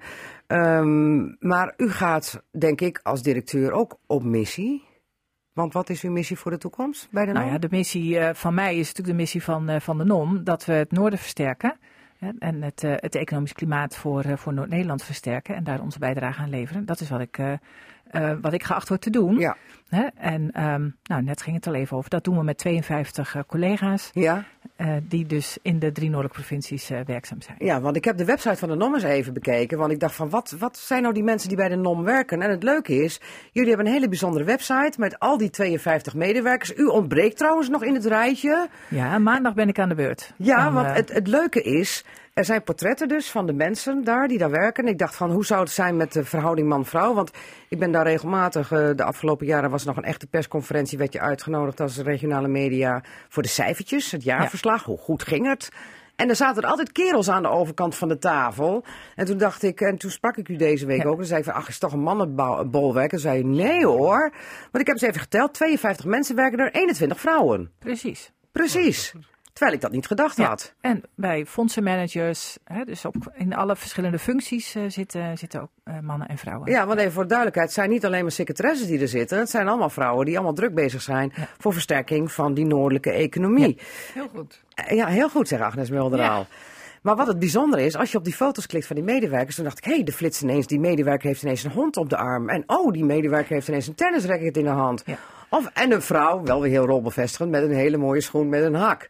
Wat is het, eh, de filosofie hierachter Nou, het, van de idee, NOM? het idee is dat wij willen laten zien wie de mensen van de NOM zijn. Ja. En niet alleen in hun professie, maar ook ehm, ja, met wat eh, achtergronden over privésituatie. Ja, in wat doen ze in de vrije tijd? Wat doen ze in hun vrije tijd? Hobby's, sport, eh, schoenen kopen, eh, met de hond uit en dat soort dingen. Wat gaan we bij Dina Boonstra zien? Ik denk dat daar een eh, mooi fototoestel eh, komt. Dat ik, eh, als hobby heb ik al jaren fotografie. Dus ik denk dat ik dat eh, meeneem. Oké, en wat fotografeert u graag?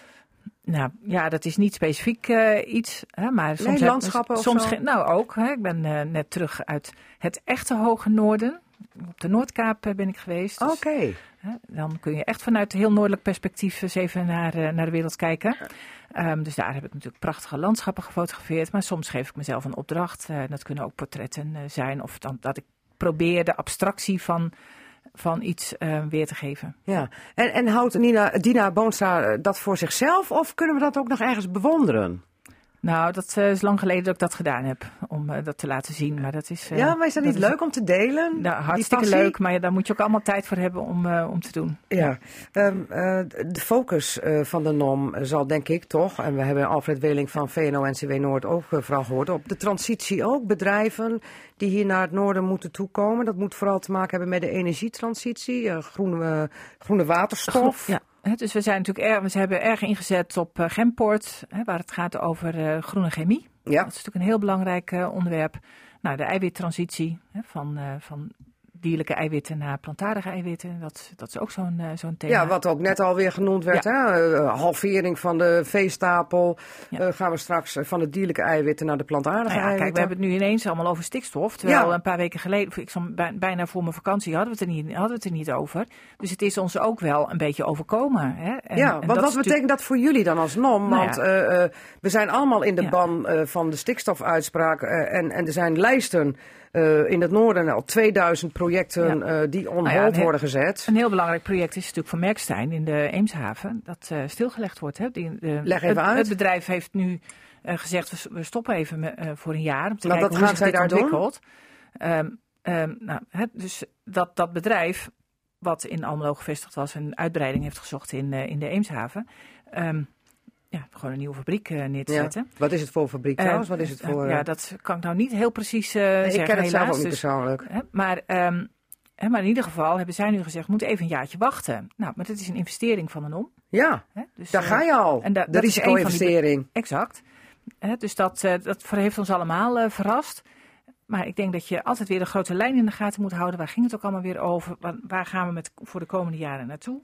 En het blijft die energietransitie, eiwittransitie, dat soort Ja. eh, begrippen, daar gaan we aan werken. Maar dit is dus wel een stok in het wiel. Dat is absoluut een stok in het wiel. Nou, Ja. En ik denk, hè, wat ik al zei, het is ons allemaal overkomen, het is de overheid overkomen. Dus we gaan toch, ehm, denk ik, met z'n allen heel goed nadenken hoe dit, op, hoe dit probleem opgelost eh, moet worden. Goed. We gaan er straks in het radioforum uitgebreid over praten. We gaan ook zo meteen met u nog even verder praten over vrouwen aan de top. En een quotum ook dat D66 wil invoeren voor beursgenoteerde bedrijven. Zijn jullie trouwens een beursgenoteerd bedrijf? Nee, we zijn een naamloze vennootschap, Ja. maar niet beursgenoteerd. Nee, oké. Dus eh, dat quotum zal voor jullie in ieder geval niet gelden. En ook jullie voldoen er ook, denk ik, zat aan met 22 vrouwen van de 52 medewerkers. Eh, hoogste tijd voor wat anders. Cassata, het radioforum. Ja, en eh, Dina Boonstra is nu ook eh, onderdeel van het radioforum. Daar zeggen we altijd wel gewoon Dina en je. Mag dat? Ja hoor. Oké, gelukkig. en voor de rest in het forum, u hoorde haar al even, zit hier vandaag. Agnes Mulder, ik ben Tweede Kamerlid voor het CDA en ik woon in Assen. En daarnaast. Jaap van der Haar en die werkt als eh, wethouder voor Sterk Meppel. En de staart is er in de vakantie niet afgegaan, zie. Nick, en die gaat er ook niet zo gauw af. Nee, nee, nee. Bijna- Jaap van der Haar doet zijn naam eer aan, zeg ik dan altijd maar. Precies, handelswerk bijna. Lekkere vakantie gehad, want jullie zijn voor het eerst weer terug in Casata. Heerlijk. Gelo-. Gelopen, de, de Alpen echt overgelopen naar Italië. Ja, hoe naartoe gegaan? Op de fiets? In verband Nee, met met- stikstof? Nee, met de auto er naartoe. Oh, dat is niet zo goed, hè? Rustig gereden. Oké. Ja. Agnes Mulder? Ik ben in Japan geweest. Oh. Oeh, en daar heb ik alles met vliegtuig. OV gedaan. Maar je hebt gecompenseerd, neem ik heb aan. ik gedaan. Je ja. hebt boompjes Ik, gekocht. ik heb rechten uit de markt gehaald. Ja. Leg uit. Dat kun je doen. Je kan gewoon CO2-rechten kopen. Ja. En dan kunnen die niet meer worden gebruikt eh, in Europa door de industrie. Dus ik heb eh, zelf een aantal rechten eruit gehaald. Oké. Dat is Dus bijna- ik kan nou niet heel gemeen doen, zo van zo, wat slecht zeg, met het vliegtuig. Eh, dus je bent eh, goed gewapend, zeg maar, daartegen. tegen Nou, maar dat is ook wel, als je daar zelf zo mee bezig bent, dan Ja. vind ik ook wel, eh, dan hoort dit er ook gewoon bij. Dus mijn vakanties voor dit jaar heb ik gecompenseerd. Goed, gecompenseerd met bomen. Met bomen. Nee, niet met bomen, maar met rechten uit de markt met de halen. rechten, oké, goed. Ehm, eh, nu Dat lijkt toch- mij een wat structurelere oplossing namelijk. Met de rechten uit, maar oké. Maar nu we het er toch over hebben, want... eh, Stikstofdiscussie. De stikstof, daar gaan we nu naartoe, Jaap van der Haar. Ja. Nou ja, eh, reden eh, om deze week eens eh, flink te openen voor D66 op alle krantenpagina's. De eh, veestapel moet voor de helft eh, opgedoekt eh, worden. Eh, vervolgens eh, hebben we geleerd eh, deze week dat er in Drenthe 90 projecten op de tocht komen. Zelfs in het noorden 2000 projecten. Ja, we verstikken onder de stikstofuitspraak. Wat zeg jij dan, Jaap van der Haar? Ja, dat, dat, is zo. En ik ben heel blij bij dat die stikstofuitspraak er is. Oh ja? Ja, natuurlijk. Want er is er in Meppel niks wat nu eh onhold komt. Ontzettende problemen. We hebben kunnen niet meer ontwikkelen met, eh, met, met, met, met bedrijventreinen, bouwprojecten die, waar, waar de vraag is of ze door kunnen gaan. Eh, en dat Maar stilstand is achteruitgang, ja. ja, nee, dat besef ik ook wel. Ja. Ja, maar eh, het, het, het, het stelt ons wel voor een keuze. Kijk, we willen of natuurgebieden, natuur, Natura 2000 in stand houden, of we willen dat niet. En als we dat niet willen, dan kunnen we, dan, dan kunnen we meer stikstof produceren. En willen we dat wel, dan moeten we dat niet doen. Want die uitspraak is niet fake, hè? Dat is een werkelijkheid. En ik zie het hetzelfde als met CO2. Kijk, we, we, we, zeggen van ja, CO2, dat moeten we ook minder produceren. Daar hebben we nog geen, geen, geen quotum voor en geen criteria voor. Hè?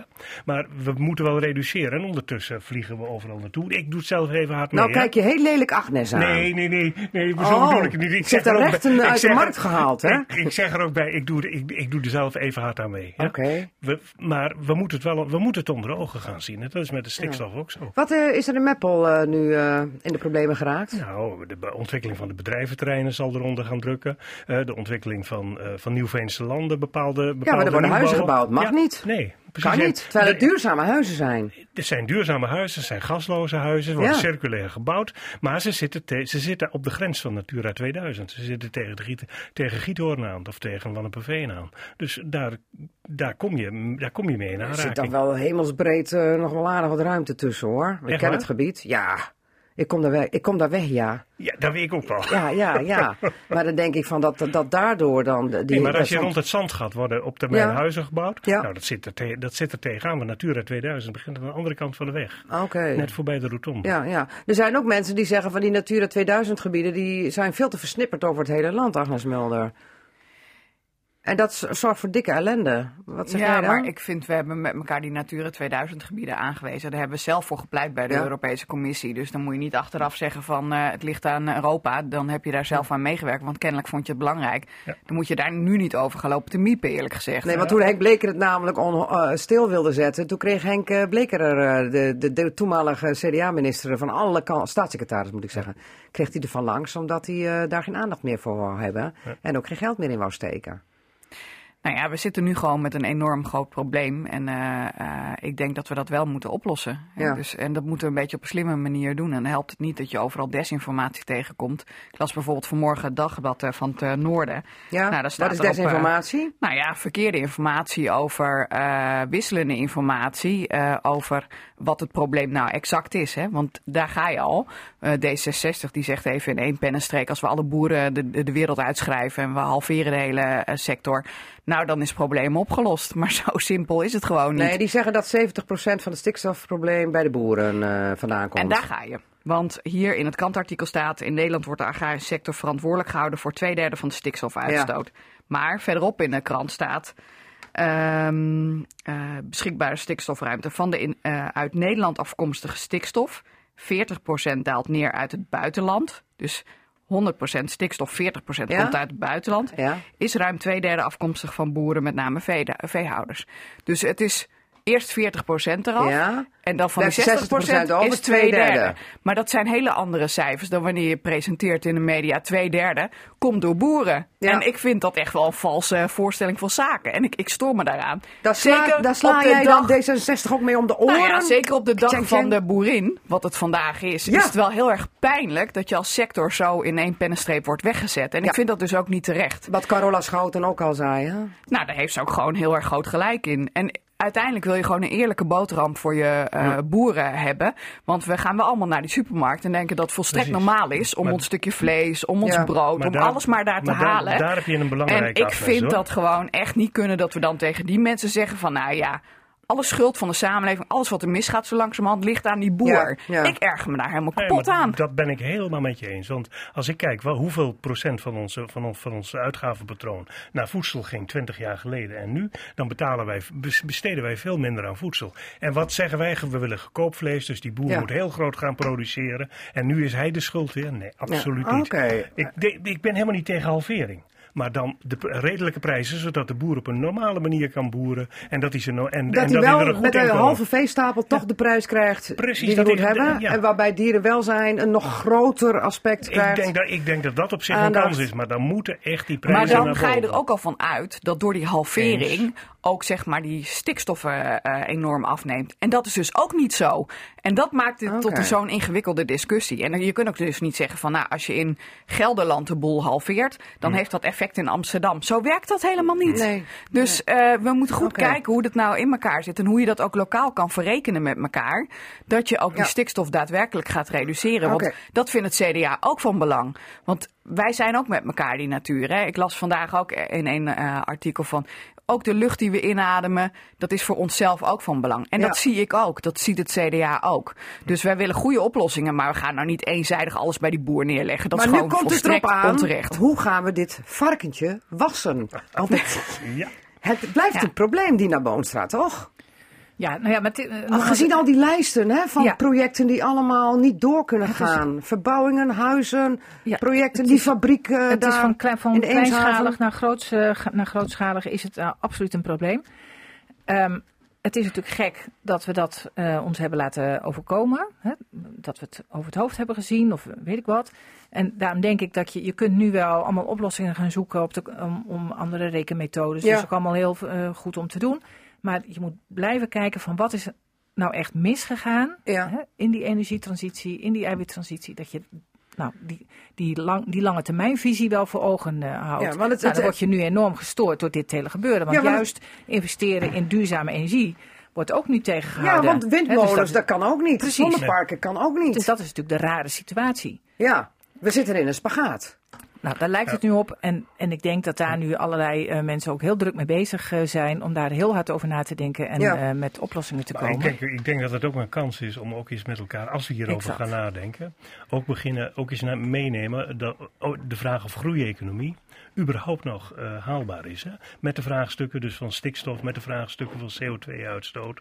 Moeten we niet naar een, moeten we niet naar een ander economisch model toe, waarin we, en daar weten we niet wat de oplossingen zijn, maar ik ben bang dat we anders op langere termijn ook met CO2 weer met dezelfde vraagstukken worden geconfronteerd Ja, kijk, als nu met stikstof. CO2 is een wereldprobleem Ja. en eh, stikstof is een Nederlands probleem. Je eens. Ja, dat- dat zijn stikstof alleen maar een Nederlands probleem? Want Want Roergebied- 40% Roergebied komt dus uit het buitenland ja, en land precies. hier. Als je de, als je de is vlekken ziet, dan zie je dat maar- Roergebied en Nederland, Maar is wel een dat zijn probleem echte wat, zich, problemen. wat, wat Oké.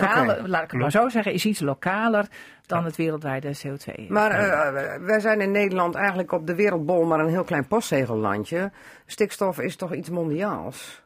Jawel, maar de enorme concentratie eh, ligt... Van ons op zo'n in klein postzegeltje, Ja, dat is in een West-Europa met, alle in- met de hele industriële gebieden in Duitsland en de industrieën Ja. in Nederland. En dat slaat neer op die natuurgebieden van die Precies. Natura 2000. En daar zit hem de kneep. Ja. Ja, want eh, de havendirecteur... Er is trouwens gisteren nog een eh, brief ook gekomen van minister Schouten hierover. ja, rekenmethodetje. Ja, anders, maar die rekenmethodes die zijn dus wel echt heel erg essentieel. Want stel nou dat je dus vaststelt. Eh, ehm, nou, ik ben bezig met een investering. eh, eh, ik, ik ken een voorbeeld daarvan, kan ik helaas hier niet noemen op, eh, op de radio. Maar die zijn bezig om iets te doen waardoor je de, de uitstoot kan terugbrengen. Ja. Nou, hartstikke goed. Ja. Maar daarvoor is even tijdelijk extra uitstoot nodig om Ja. het dan vol daarna terug te brengen. En dan mag dat dus, zeg maar, op dit moment wordt al, wordt al tegengehouden. Ja. En ik hoop dat die rekenmethodes, dat die dat allemaal wel meenemen. Want anders heb je gewoon een blinde vlek over wat je Ja. langetermijnresultaat is. Nou, en laten we alsjeblieft op de lange termijn gaan kijken naar onze investeringen. Wat doen dat? Hetzelfde met eh, eh, zonnepanelen, met eh, windenergie. Dat gaat uiteindelijk wel effect sorteren. Dus dan is het gewoon, als je dat nu allemaal gewoon stillegt, dat slaat echt helemaal nergens op. Maar goed, er is nog iets geks. We hebben in Haventer de Johannes Postkazerne. Die hebben een oefenterrein gehad, dat was het Holtingerveld. Die gingen daar met tanks en weet ik veel niet wat over.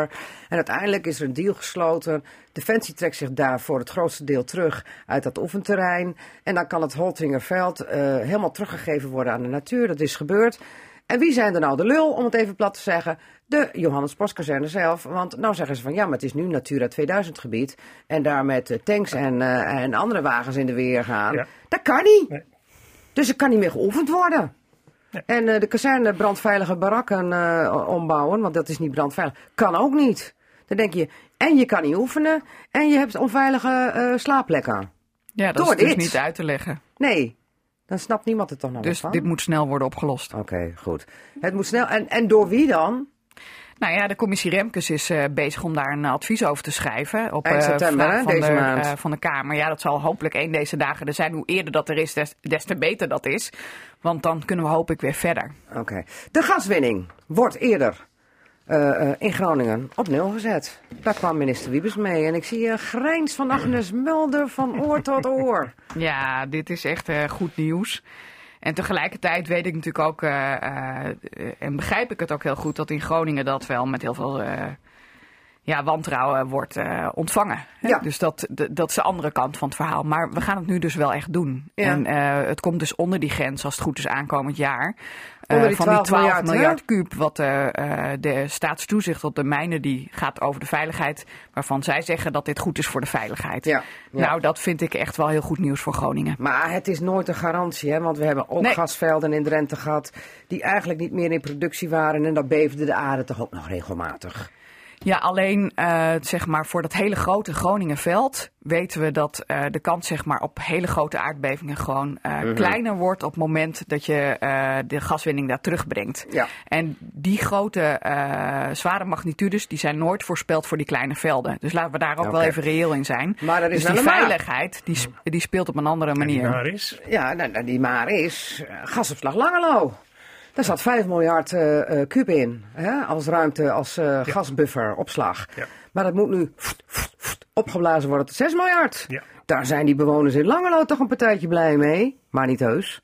Snap je dat? Ja, nee, ja, nee, nee, ik kan dat Die niet. vrezen met grote vrees voor Groningse toestanden. Ik kan het niet overzien. Of de, de- als je een buffer op meer volzet, of dat ook dat soort effecten Nou, er komt onder veel Kijk, hogere druk, komt er nou gas in, wordt erin gejenst. Ik kan de effecten daar niet van, niet, eh, niet van overzien. Wat duidelijk is, en wat Agnes ook aangeeft, Groningen, dat weten we wat de, wat de situatie is, moet je gewoon stoppen. Mhm. Maar of je het uit kleinere velden moet halen, wat voor effecten het daar gaat hebben, daar moet je goed over nadenken.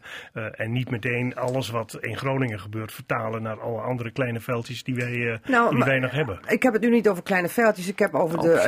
eno- nee, over de link Groningenveld, Ja. gasopslag. Ja.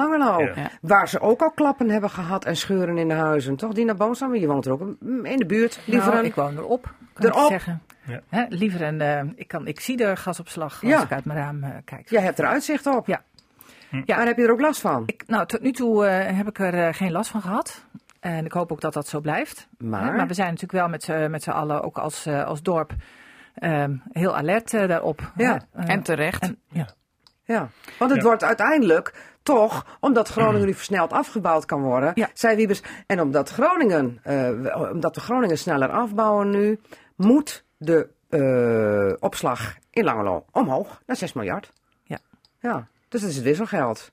Dus dan zeggen mensen van, ja, dan zitten wij straks hier met de gebakken peren. Nou valt eh, dit opslag, dat valt onder ook het hele Groningen-protocol. Ja. Dat klinkt een beetje wat technisch. ja. Maar dat betekent Qua dat... schadeafregeling. Ja, dus, en ik zou denken, en de minister schrijft dat ook in zijn brief... Kijk naar meer monitoringspunten, zodat je goed in de gaten kan houden wat het effect is. Mhm. Je gaat dus zeg maar 1 eh, miljard kuub omhoog. Dat, je zou daar volgens mij in de opslag tot eh, 10 of 11 eh, miljard kuub kunnen. Daar is dus niet voor gekozen, zeg ik ook even. Hè? nee. 1 miljard kuub omho- omhoog. En je hebt daar dus niet meer het Groningen gas in, maar je hebt daar pseudogas in, zoals Ja, ze dat noemen. Dat is pseudogas. Ja, dat is eigenlijk eh, eh, dat is, eh, hoogkalorisch gas aangelengd met eh, stikstof, zodat je daar.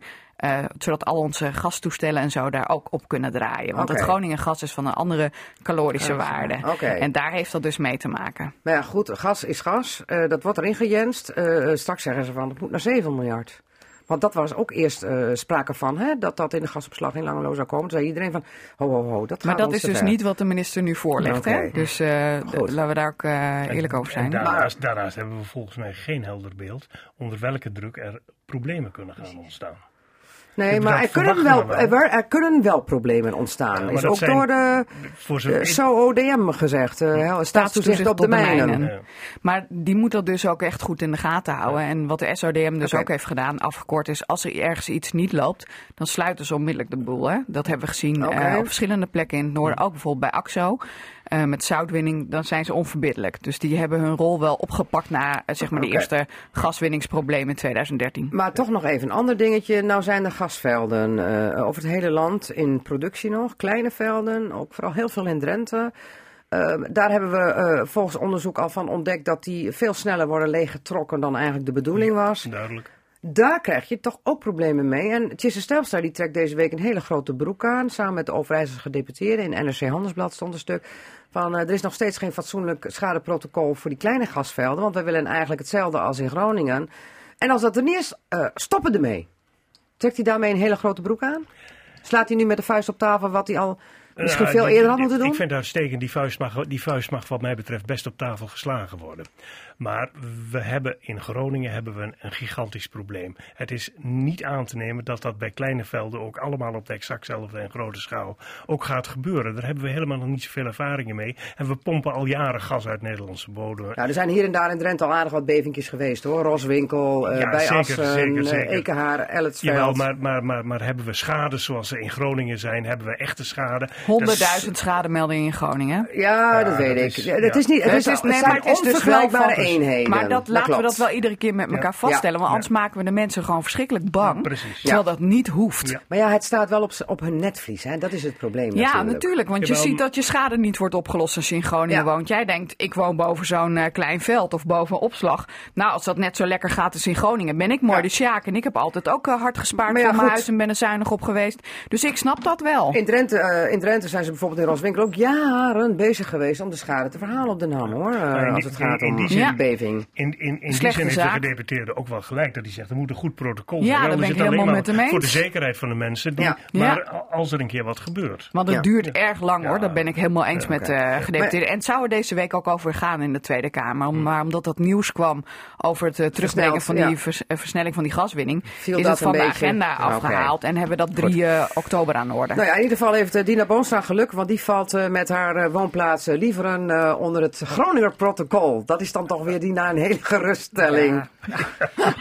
Ja, ja, Mocht het daar wel misgaan. Ja, nou, maar goed, hè, het is natuurlijk vooral ook kijken van wat, Ja. wat nou ja, wat, dat we ook een beetje opletten, want ik, daar ben ik het wel met Agnes eens, eh, mensen ook geen angst aan praten. Ja. En ook eh, voor het imago van de, van de drie noordelijke provincies laten we het nou toch ook hebben over al die eh, hele mooie dingen, interessante dingen die we hier aan het doen zijn. En elkaar niet in de put praten. Oké, goed. Niet in de gasput praten. Ehm, de ijs, nou, even toch heel kort. Die, neg- die 90 miljoen compensatie, hè, waar heel veel over gehaktakt wordt, wat nu Exxon en Shell krijgen. Mensen zeggen, hoe kan dat nou? Hè? Henk Nijboer van de PvdA in de Tweede Kamer. Die zegt, schandalig. Mensen in Groningen zitten al jaren te wachten op geld. En dat bedrijf wordt al even met 90 miljoen, huppakee, compensatie. Jij zit te applaudisseren? Ja hoor, helemaal. Voor Henk Nijboer of voor die compensatie? Nee, voor Henk Nijboer. Oh, oké. Echt. Ja? Ja, nee, kijk. Dat, Schande? Ja, dat vind, dat vind ik echt schande. Die, die bedrijven die daar, die daar jarenlang miljarden en miljarden aan verdiend hebben. Hè, en eh, de mensen die niet gecompenseerd worden voor de, voor de problemen die ze hebben. Hmm. Uiteindelijk kruipt Shell ook weg voor de verantwoordelijkheid die, eh, die ze ook voor de schades gaan hebben. Ja, Nou, zeg maar ze, lopen nu wel meer dan 300 miljoen mis. Ja, zeker, ja. Goed, hartstikke mooi. Oké, en wat lopen die mensen met elkaar mis? Ja. Nou, ik- ja, heel wat meer. Of wat doe je die mensen aan? Dat, zo kan je het beter misschien Dat is zeggen. nog, dat is nog Ja. een, ander, een ander ding. Daar- Oké, Ja, het is gewoon kort. heel cynisch. Hè? Ja. Ik bedoel, eh, de mensen in Groningen, ik heb volgens mij nog nooit gehoord over een voorschot wat zij hebben ontvangen. Zij ontvangen dan een voorschot. En eh, dat zij dat dus voor zichzelf hebben bedongen, zegt heel wat over hun. En dat maakt ons allemaal denk ik wel een beetje cynisch. En ik zou ook denken van, eh, eh, daarom heb ik ook aan de minister gevraagd van, is arbitrage ook een mogelijkheid? Want eh, vanuit de Tweede Kamer zijn we het hier niet mee eens. Dus dat is wel eh, helemaal helder. En de minister zegt dat arbitrage dus ook een mogelijkheid is. Dus, eh, maar, Moet hij dat wel willen? En ik zag hem deze week bij Jinek en ik had niet de indruk dat hij over die 90 miljoen naar zo'n punt maar ging toen was het debat in de Kamer nog niet geweest. Oh, Oké, nou ja, de Kamer stuurt hem dan eh, op pad met. Ja, Aan de slag, Erik Wiebes. Dina Woonsel, kijk jij er tegenaan die gelijk. 90 Ja, ja. miljoen? Ik, het is, ik, nou, ik vind het gewoon het allerbelangrijkste dat al die mensen die wachten op hun, eh, hun schadeafhandeling, dat dat nou eindelijk een keer geregeld eh, wordt. En dan al die andere zaken, dat zal allemaal wel. Maar ik vind gewoon het allerbelangrijkste dat, dat de schades hersteld kunnen worden. Dat die ondernemers, de aannemers, eh, de bouwers ook aan de slag kunnen. Ik denk dat, dat daar de concentratie op moet liggen. ja, echt. En die versterkingsopgave, Ja. want de mensen zitten nog wel ja, met onveiligheid en dat moeten we gewoon oplossen. Oké, moeten we nog wel even dat stikstofprobleempje oplossen. Want eh, huizen bouwen en verbouwen, dat is... Ah, we, we maken gewoon een nieuw rekenmodel en dan kan het allemaal Ah, weer. ja, ja, hartstikke Even heel snel naar die ijsbaansoop. Even kort, want komende week is er een discussie in de gemeenteraad van Hoogveen. Nou, eh, we weten inmiddels dat het eh Hoogveen bijna 2 miljoen kost, die eh, a- aanloopkosten. Het gaat allemaal niet door, want het is 20 miljoen duurder volgens de aanbesteding. Eentje was er nog geïnteresseerd. Ze willen de hele ijsbaan helemaal niet bouwen, joh. Kost eh, gewoon te veel geld. Ehm, moet er iemand eh, sneuvelen? Wat denk jij, Jaap van der Haar? Blijft het college op het plus of eh, gaat er iemand aan? Sneuvelen lost niets op, want er komt een ander en die moet er weer met hetzelfde dossier En mee die is door. misschien net zo dom. De mensen die, de verantwoord die, die, die, die, het, die het gecreëerd hebben, laten die het nou maar eens zelf ook echt oplossen. Oké. Want die hebben het probleem gecreëerd. En dan kunnen ze wel weg zijn en denken dat het probleem nou weg is. Dat doen die struisvogels Maar is er niet iemand die is heel erg dom geweest? Eh, Kijk eens, als, een, Die is er eh, heel erg als, je over als je over 31,8 miljoen spreekt en je gaat daar 9, 20 miljoen overheen, dan, dan, dan kun je niet één persoon aanwijzen. Dan doe je met z'n allen hele verkeerde dingen. En dan verwijs je naar stijgingen in de markt. Nou, de markt is duurder geworden. Ja, de afgelopen vier 30%. jaar is die 20% 20, 22% is die bouwmarkt naar boven gegaan. verder. Maar deze verhoudingen, daar klopt helemaal niks van. Agnes Mulder, hoe zie jij eh, de afloop Hogeveen? Nou ja, dat is natuurlijk gewoon aan de raad in Hogeveen om daar... Ja. eh, ja nee, maar echt. eh, Ik vind dat eh, hetzelfde Jij als dat... overziet het slagveld en denkt Ja, dan, dit is gewoon, dit ziet er niet uit. het ziet er niet uit. Nee. Ze zijn allemaal door het ijs gezakt? Of specifiek eentje, Ik, denk, jou? ik denk dat, dat inwoners van Hogeveen hier zo langzamerhand niks meer van begrijpen. Nee.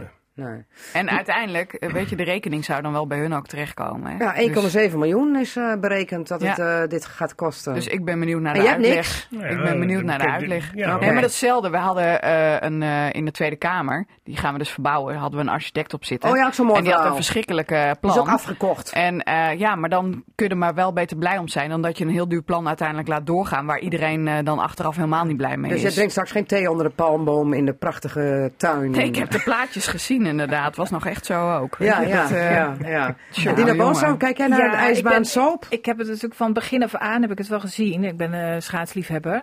Oh ja. Eh, dus je wil heel graag dat er, eh, dat er wel die mogelijkheden zijn in, eh, in Drenthe. Maar Ja, het, eens. is, het gaat niet over de communicatie nu. Ik bedoel, het gaat ook over, maar daar weten ze in Hoogveen eh, ongetwijfeld eh, wel raad mee.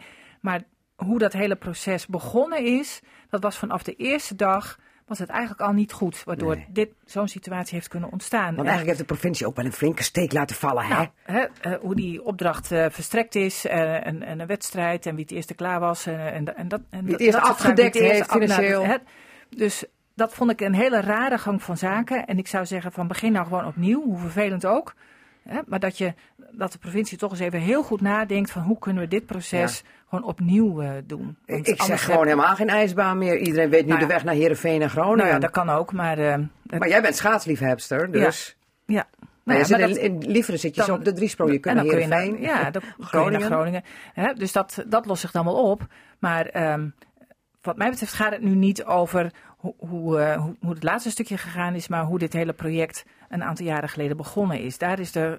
In mijn beleving de grootste fout eh, Een, een, een stevig onderzoek naar van begin tot eind? Of zal het ook weer onnodig veel geld kosten? En wat heb je eraan? Nou, een rekenkameronderzoek zou niet verkeerd zijn. Ja, van wie dan? Ja, dat kan de, De Noordelijke Rekenkamer? Nou, dat kan niet de gemeente- gemeente, want het is niet alleen de gemeentelijk dingetje. hè? Nee, maar dan zou je dan kan je de stap hoger kunnen doen. Maar ik denk wel dat het goed is dat er naar zo'n proces gekeken wordt. Om een herhaling te voorkomen. Goed, tot slot, het hoedje van Agnes Mulder.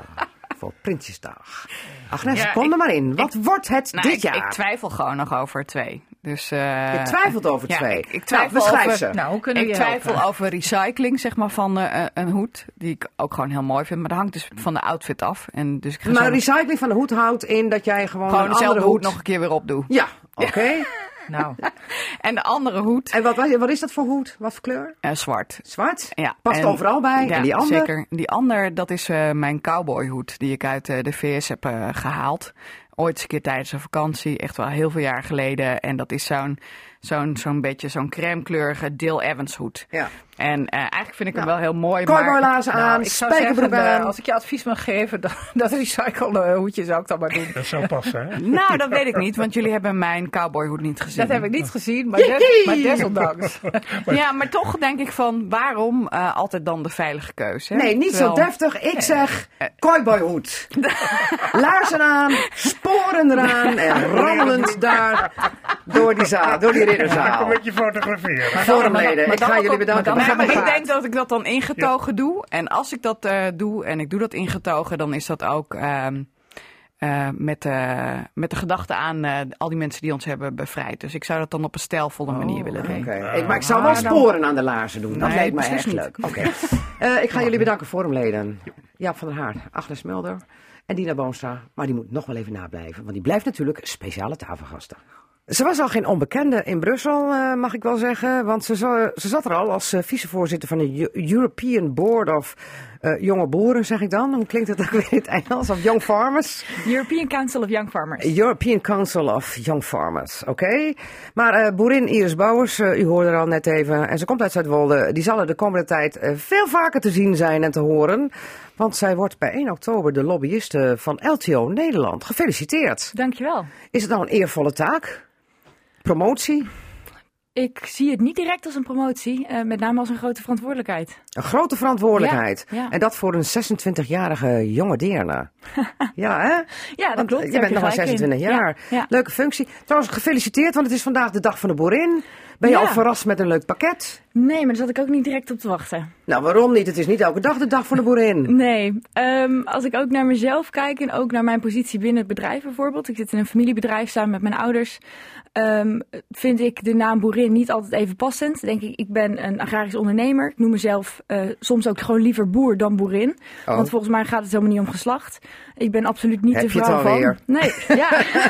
Ook niet de vrouw van. Het gaat er niet om of het mannetje of een vrouwtje is, maar dat je agrarisch aan de slag bent. ja, en wat dat betreft denk ik dat heel veel agrarisch ondernemers in Nederland wel eh, wat meer waardering mogen. Dus dat dat niet eh, aan geslacht gekoppeld hoeft te zitten. Het moet gewoon de dag van de agrarisch ondernemer. Dat klinkt toch helemaal niet? Of de, ag- Dag de, van de boer. de dag, oh, vind ik ook goed. Ja. De dag van de boer. Dan laat je open of het een man of een vrouw is. Geen Ja. onderscheid tussen boer of boerin. Lijkt me een heel goed plan. Nou, ik zou er als lobbyist meteen mee aan de slag gaan voor LTO Nederland. Van jongens, hou op met die onzin, dag van de boerin. We maken er gewoon de dag van de boer van. Ik schat in dat er wel belangrijkere zaken zijn, eh, Margriet. Oké, wat zeg jij, eh, tafeldame Dina Boonstra daarvan? Ja, Ja, ik daarvan zeggen? ja. Is er ook nog een dag van de, van de vrouwelijke directeuren? Nee. Van de dag van de directrices? Och, nou ja, dat, hè? Ja, dat, hè? Directrice. Ja, Ik, eh, ik, ik ben eh, ook gewoon directeur. ja. Maar het is natuurlijk wel mooi dat zo'n jonge vrouw Dat voor LTO. Nederland Ja. lobbyiste in Brussel gaat Nee, worden, dat toch? vind ik echt eh, hartstikke goed. Over girl power gesproken. Nou, Nou, toch? succes. Ja, Ja. dankjewel. Ehm, want daar wil ik het toch even over hebben. Deze week, even heel kort, was in het nieuws dat D66 wil dat er een quotum komt, omdat het nu toch eindelijk eens moet gebeuren, dat 30% van beursgenoteerde bedrijven een vrouw aan het roer heeft. Hoe kijkt Dina Boonstra daar tegenaan? Want we hadden al geconstateerd, hè, de NOM is een NV, dus geen beursgenoteerd bedrijf, maar wel nu een vrouw aan het roer. Eh, zouden er bij meer bedrijven die wel beursgenoteerd eh, zijn, een vrouw aan het roer moeten en waarom dan wel? Nou ja, kijk, discussie over quota zijn er al, eh, zijn, die, die zijn al heel erg lang. Ehm, het is nooit tot stand gekomen. In Noorwegen is het wel tot stand gekomen. Daar heeft het ook echt wel effect eh, gehad. Dus terwijl ik vroeger altijd dacht van nou ja, wat een onzin en het gebeurt wel. ehm, zie ik toch dat het heel weinig gebeurt. Hè, Want hoe zit het in het noorden? Enig idee? Met bedrijven? Nou ja, we hebben niet zoveel beursgenoteerde bedrijven in Noord-Nederland. Nee. Dus, eh, dus dat is daar niet, eh, niet zo aan de orde. Maar als het gaat om eh, grote bedrijven Grote in. Noord-Nederland, hoeveel vrouwen zitten daar aan nou, het roer? weinig. Ja. weinig hè. Want in mijn tijd bij de NDC Media Groep was ik natuurlijk ook een van de weinigen. Ja, ehm, daar. Hè, dus ik heb dat natuurlijk zelf ehm, eh, Ervaren? door, door de jaren heen heb ik, dat, heb ik dat zeker ervaren. Ik zie wel dat er, dat er verandering eh, aan zit te komen. Hè, dat eh, met name de jongere generatie, daar eh, ja, zitten heel veel vrouwen, heel veel hoogopgeleide vrouwen. En dan, eh, dan hoop je dat dat ook gaat gebeuren. hè, dat, dat ze doorstoten. Dat is, maar dat is nog maar de vraag. Dat is toch nog maar de vraag. En ik denk dat het goed is dat er eh, in raden voor commissarissen steeds meer vrouwen eh, komen. Dus dat ook van bovenaf dat. ehm, nou, die uiteindelijk gaan over de benoemingen van, Ja. eh, van directieleden. Dat, eh, dat want dat helpt is het ook. begin, hè? Daar, precies, hè, dus dat helpt.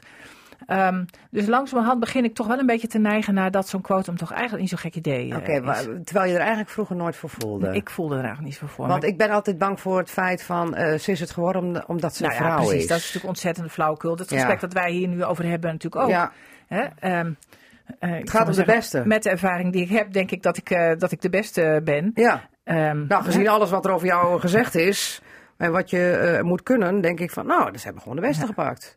dus, eh, En dat het dan een mannetje of vrouwtje is, mag niet uitmaken, dat maar... moet niet uitmaken. Maar, maar desondanks, zie, hè, met de ervaring die ik ondertussen heb, eh, met eh, 35 jaar werkervaring, zie ik toch wel dat het heel langzaam Ja, maar een quotum, dat is weer zo Ja. dwangmatig. Dat, nou ja, dat vind ik ook. Ja. Dat vind ik ook. Maar misschien moet je het gewoon eens proberen en kijken wat er dan gebeurt. Oké. En misschien helpt het als het nu straks, of nu straks, vanaf 1 september is nu Dina Boonstra als, als eh, vrouw aan het roer bij de NOM. Dat als we straks bedrijven binnenhalen, dat er misschien nog wel meer vrouwen eh, hier naar het noorden komen eh, met bedrijvigheid. Nou ja, goed voorbeeld doet meestal volgen. Ja, ja, het ene demo- do, domino-steentje is nu omgevallen en misschien volgen er wel meer. Want we gaan even naar die andere vrouw die ook nou, een belangrijke positie gaat bekleden. Want het, zo zie ik het toch wel, Iris Bouwers. Die lobbyist, dat is toch een belangrijke positie voor de boeren en tuinders in ons land, daar in Brussel. De- Want in Brussel gebeurt het. Ja, Nou, met, uh, in Brussel gebeurt het, daar ben ik het absoluut mee eens. Uh, maar laat ik vooropstellen dat ik het natuurlijk niet alleen ga doen. Uh, LTO Nederland heeft, heeft overal in Nederland, maar dus ook in Brussel, goede mensen zitten. Ja. Dus dat betekent ook niet dat ik die verantwoordelijkheid van het vertegenwoordigen van de Nederlandse boerentuinder in mijn eentje ga dragen. Maar er is maar één lobbyist, toch, officieel? Er is maar één officiële lobbyist okay, die jij. echt in Brussel zit. Ja, ja. ja. ja. En um, je was al in Brussel aan de slag hè, voor die board van van jonge farmers. Ja. Ik doe even Nederlands en Engels uh, door elkaar. Uh, dus je weet al wel een beetje uh, wat de belangrijkste paadjes zijn. Ja, dat is wel de bedoeling. Uh, de afgelopen vier jaar ben ik uh, bestuurder geweest bij het Nederlands Agrarisch Jongerencontact. De, de Nederlandse koepel van nou, bijvoorbeeld de DEK. Ja, de Rens Agrarisch Jongerencontact. Ja, ja precies. En uh, daarbij had ik de portefeuille internationaal. kwam ik regelmatig in, in Brussel. En de afgelopen twee jaar ook als vicevoorzitter van de Europese Raad voor Jonge Boeren inderdaad. en dan zie je eigenlijk al ja, gedurende de tijd ook hoe de hazen lopen. Ja. ja, en hoe lopen die hazen dan? dat Die zijn het dat, belangrijkst. Nou, dat, daar. Is, dat is heel afhankelijk van bijvoorbeeld het onderwerp en uh, de agenda. Ja. Um, we hebben natuurlijk dit voorjaar uh, allemaal kunnen stemmen uh, voor het Europees Parlement. Nou, ja. Dat zijn wel een aantal belangrijke personen die natuurlijk ook nogal wat te zeggen hebben. Ja, ja. dan moet je Jan Huytema in de gaten houden. Hè? Die, die zit er ook voor de VVD. Ja. Zelf ook boer. Ja. Boerenbloed in de aderen. Ja, dat is, uh, dat is een van de Europarlementariërs waar ik ook uh, uh, mee verwacht regelmatig in, in gesprek te gaan. Maar zo zijn er meer, ook meerdere Nederlandse Europarlementariërs die zich toeleggen bijvoorbeeld op nou, de agrarische sector, maar bijvoorbeeld ook op, op milieu en klimaat. Ja, ja. maar um, de regelgeving als het gaat om land- en tuinbouw is vooral Europees. Ja, meer dan de helft van de, van de wetten en regels waar we als boeren uh, iedere dag mee te maken hebben, komt echt daar vandaan. Ja, ja, we hebben nu allemaal, we zijn allemaal in de band nu van het stikstof. Ja. En het is vooral een Nederlands probleem. Het is misschien wel een probleem ook uh, uh, een beetje Europees misschien. Al, al hebben wij het grootste probleem omdat we met z'n allen in een heel klein postzegeltje, op een, op een klein postzegeltje zitten met heel veel mensen. Um, is daar Europees ook nog iets te halen? Nou, of is het vooral een nationaal probleem? Als ik kijk naar de uitspraak van de Raad van State, is dat natuurlijk een, een Nederlandse uitspraak. Ja. En heeft hij ook betrekking op uh, de Nederlandse natuurgebieden. En dat is ook een Ja. van de redenen dat we ook uh, nou ja, vanuit de boerenorganisaties eigenlijk ook hebben gezegd. Uh, we hebben een, een heel specifieke, een gebiedspecifieke uh, aanpak hiervoor nodig. Ja. Eigenlijk ook al wat, wat eerder voorbij komt. Maar het is een ander verhaal, even, want ik wil naar het fosfaatdossier toe. Het is een ander verhaal dan de fosfaattoestand, wat eigenlijk wel door Europa wordt bepaald. Waarbij er een, een plafond is ingesteld inderdaad. Ja, klopt. eh, zo hoog en niet hoger. En daar hebben we als Nederland ook nog een streepje voor, omdat wij goed met onze meststoffen omgaan ten opzichte van Europese landen. Correct. Zo zeg ik het toch goed? Ja. Ja, maar dat is ook wel een dingetje waar je voor in Europa moet zijn. Ja, klopt. Nou, en daar zal ik me dus uh, inderdaad vanaf 1 oktober ook, uh, ook mee bezig gaan houden. Ik denk dat dat uh, zeker op langere termijn ook alweer een groot onderwerp gaat worden. Ook omdat Ja. veel Nederlandse veehouders daarmee te maken hebben. aan de andere kant zien we ook een transitie in bijvoorbeeld het, het grote Europese landbouwbeleid, het, Ja. het GLB.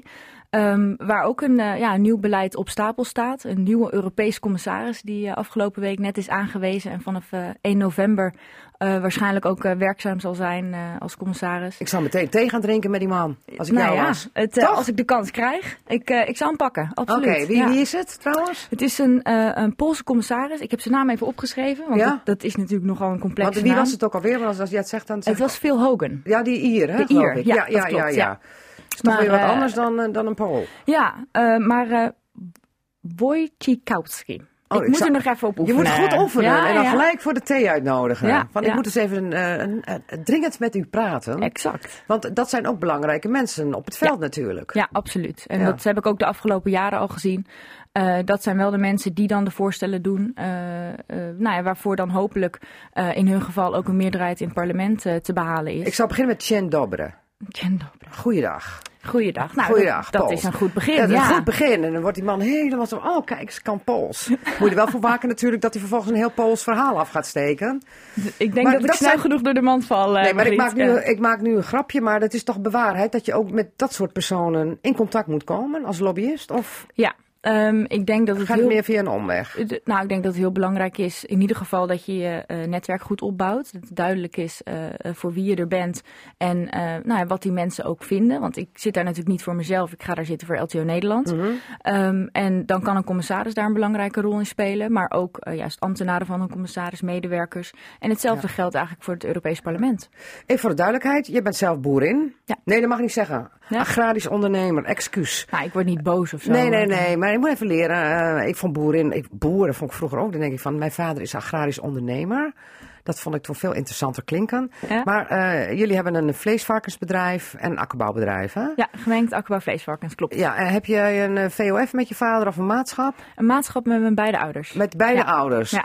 Nou, dan gaat Iris lekker naar Brussel en die laat de pap en mam lekker achter met het boerenbedrijf. Ja, dat zou wat zijn. Ja, Nee. hoe gaat dat zometeen in praktijk? Nou, we hebben het er lang over gehad. eh, want het is natuurlijk nogal een keuze. En het is ook nogal een keuze geweest dat ik juist wel met ze in maatschap ben gegaan. Ja, Eh, en, dat laat je hun het fruile werk opknappen. en, en dat laat ik ook niet zomaar achter. Dus ik heb ook eh, tegen LTO Nederland gezegd... ik wil graag voor jullie komen werken. Ook graag in Brussel, maar wel part-time. Dus ik ga daar vier dagen echt in Brussel zitten. Ja. Vrijdag en zaterdag blijf ik actief op het boerenbedrijf. Niet alleen om betrokken te blijven, maar ook om eh, praktische werkzaamheden eh, uit te kunnen blijven voeren. Zodat je toch ook met de pootjes in het bluswater staat? Exact, Ja, ja. Om- Eh, om- om ik laat het niet zomaar achter, ja. ja. oké. En wellicht ook omdat daar mijn toekomst ligt. Maar het is goed bedacht. Maar denk jij dat het straks ook, hè, in theorie, in theorie klinkt het leuk. Ja. Denk jij dat dat straks praktisch haalbaar is? Ja, want ik heb de- die keuze niet voor niks gemaakt. Het is niet een, een willekeurige dag. Eh, vrijdag, zaterdag, eh, als je die samenpakt, eh is dat ook nog gewoon goed te bereizen. Ook de zondag kan ik natuurlijk weer gebruiken om weer terug te reizen naar, naar, Brussel. Eh, dus ja, ik, ik voorzie daar nu geen problemen. Hoe de praktische uitwerking zal zijn, ja, dat gaan we zien. Wat is de eerste klus waar LTO Nederland jou mee op pad stuurt? Weet je dat al? Weet ik nog niet. De boodschap? Nee, nee. nee eh, 1 oktober begint ook echt mijn inwerkperiode. Dus ik zal samen met mijn voorganger nou, een aantal verschillende afspraken hebben. bij verschillende meetings gaan kijken. En, eh, en dan zal dat allemaal duidelijk worden. Ja. Van waar jouw ambitie om deze functie op te pakken? Want we kennen je al een beetje hè, van wat je al deed in Brussel. Eh, je bent ook al politiek actief geweest in de gemeenteraad van de Wolde voor het CDA. Nee, niet? Bijna. Nee, Bijna. ben- je ik- zat in een steunfractie, toch of zo? Nee, nee, ook bijna. Nee, ik ben eh, wel gemeenteraadslid geweest, vier jaar lang, maar in de gemeente waar ik studeerde, in Dronten. Oh, In oké. Ja, ja. En dat was voor Voor het CDA, CDA? inderdaad. Ja, Oké. Ja. Nee, oh, niet in de Wolde dus. Nee, nee, nee. Maar je wel gemeenteraadslid, dus je hebt wel de ambitie om, om iets op dat gebied te doen. Nou, op het moment, eh, ik, ik denk dat ik een jaar of 18, 19 was, eh, dat ik me ging realiseren van ja, er zijn andere mensen die maken eh, besluiten over ons en wij kunnen er eigenlijk niet zo heel veel aan doen. En dat ging in, dat in dat geval over ons agrarisch bedrijf. Ja. Er zou relatief hoogwaardige landbouwgrond opgekocht worden voor natuur. Nou, daar heb je hem weer. Ja. Eh, de, eh, ja, toch wel op zoek naar een balans. Eh, het zou opgekocht worden. En toen dacht ik, ja, wie, wie gaat er nou over? Dus toen heb ik de wethouder, gedeputeerde, staatssecretaris geïnterviewd. En toen dacht ik, ja, als ik hier iets mee wil doen, als ik het hier niet mee eens ben, ja, dan kan ik vragen gaan stellen en dan weer Ja. terug gaan kruipen op de boerderij. Maar ja, ik kan ook gewoon mijn mening laten horen. Je dacht, hand er- aan de ploeg. En de verandering inbrengen, ja. Ja. En je zult het echt zelf moeten doen. Als je, als je verandering wil zien, dan, dan zul je ja, dat op moeten pakken en, eh, en dat verschil willen maken. En dus in mijn geval ook ja, naar Brussel moeten gaan. Volgens mij moet je als lobbyist goed kunnen praten en dat kun je. Dank je. Ja, ja. En ehm, wat is jouw ambitie? Want eh, schuilt hier eh, in Iris Bouwers een toekomstig Carola Schouten? Onze Nou. landbouwminister? Heb je die ambitie? Nee, nee. Dat Nee? Is, nee, nee, Maar sorry. dan sta je toch echt met de hand aan de ploeg? Ja, maar ik denk, zoals je nu ook wel kunt zien, eh, bijvoorbeeld eh, aan Carola Schout, is dat ze ook eh, heel veel lastige en complexe dossiers onder zich heeft. En maar je bent nog maar 26. Ik ben- weet nu- al straks precies hoe dat allemaal werkt. Ik ben nu 26. Ja. Ik denk, ik ga hard mijn best doen voor de, voor de Nederlandse boerentuinder in Brussel. Daarna gaan we het wel weer zien. En nou ja, die boerderij in Zuidwolde, die is daar. Mijn ouders zijn Ja. 55. Die willen op een gegeven moment ook kunnen stoppen. Dus, Ah, eh, 55 is nog jong. ja? Ik ben er vlakbij, ja. Toch? Dina Boomstruik, tot slot, hoe kijk jij naar zo'n Iris Ja, ik Bouwers? vind het geweldig. Ja? Ja? ook, eh, ook in de communicatie van eh, heel erg goed. En ja, weet je, ehm, nooit dingen nu uitsluiten. Je weet maar nooit eh, hoe de zaken lopen in het leven. Dus als je Ja. open blijft staan, dan denk ik grote toekomst. Oké, hier spreekt iemand met ervaring, Ja, hè? Want die is even meer dan de helft dan jij bent nu. Want Dina, Dina is 60, mag ik dan zeggen. en die heeft ervaring in het bedrijfsleven. Dus ik wens jou veel succes. Heb je al een eh, appartementje in Brussel? Ja, ik, eh, ik ga er samen wonen met mijn vriend. Heb een mooi appartementje gevonden. En eh, ja, we gaan aan de slag. Goed, sterkte in Brussel. Dina Bonsa, sterkte bij de NOM. Dankjewel. Want dit was Casata aflevering 1062 voor vandaag. En terugluisteren kan via de podcast. En anders tot volgende week.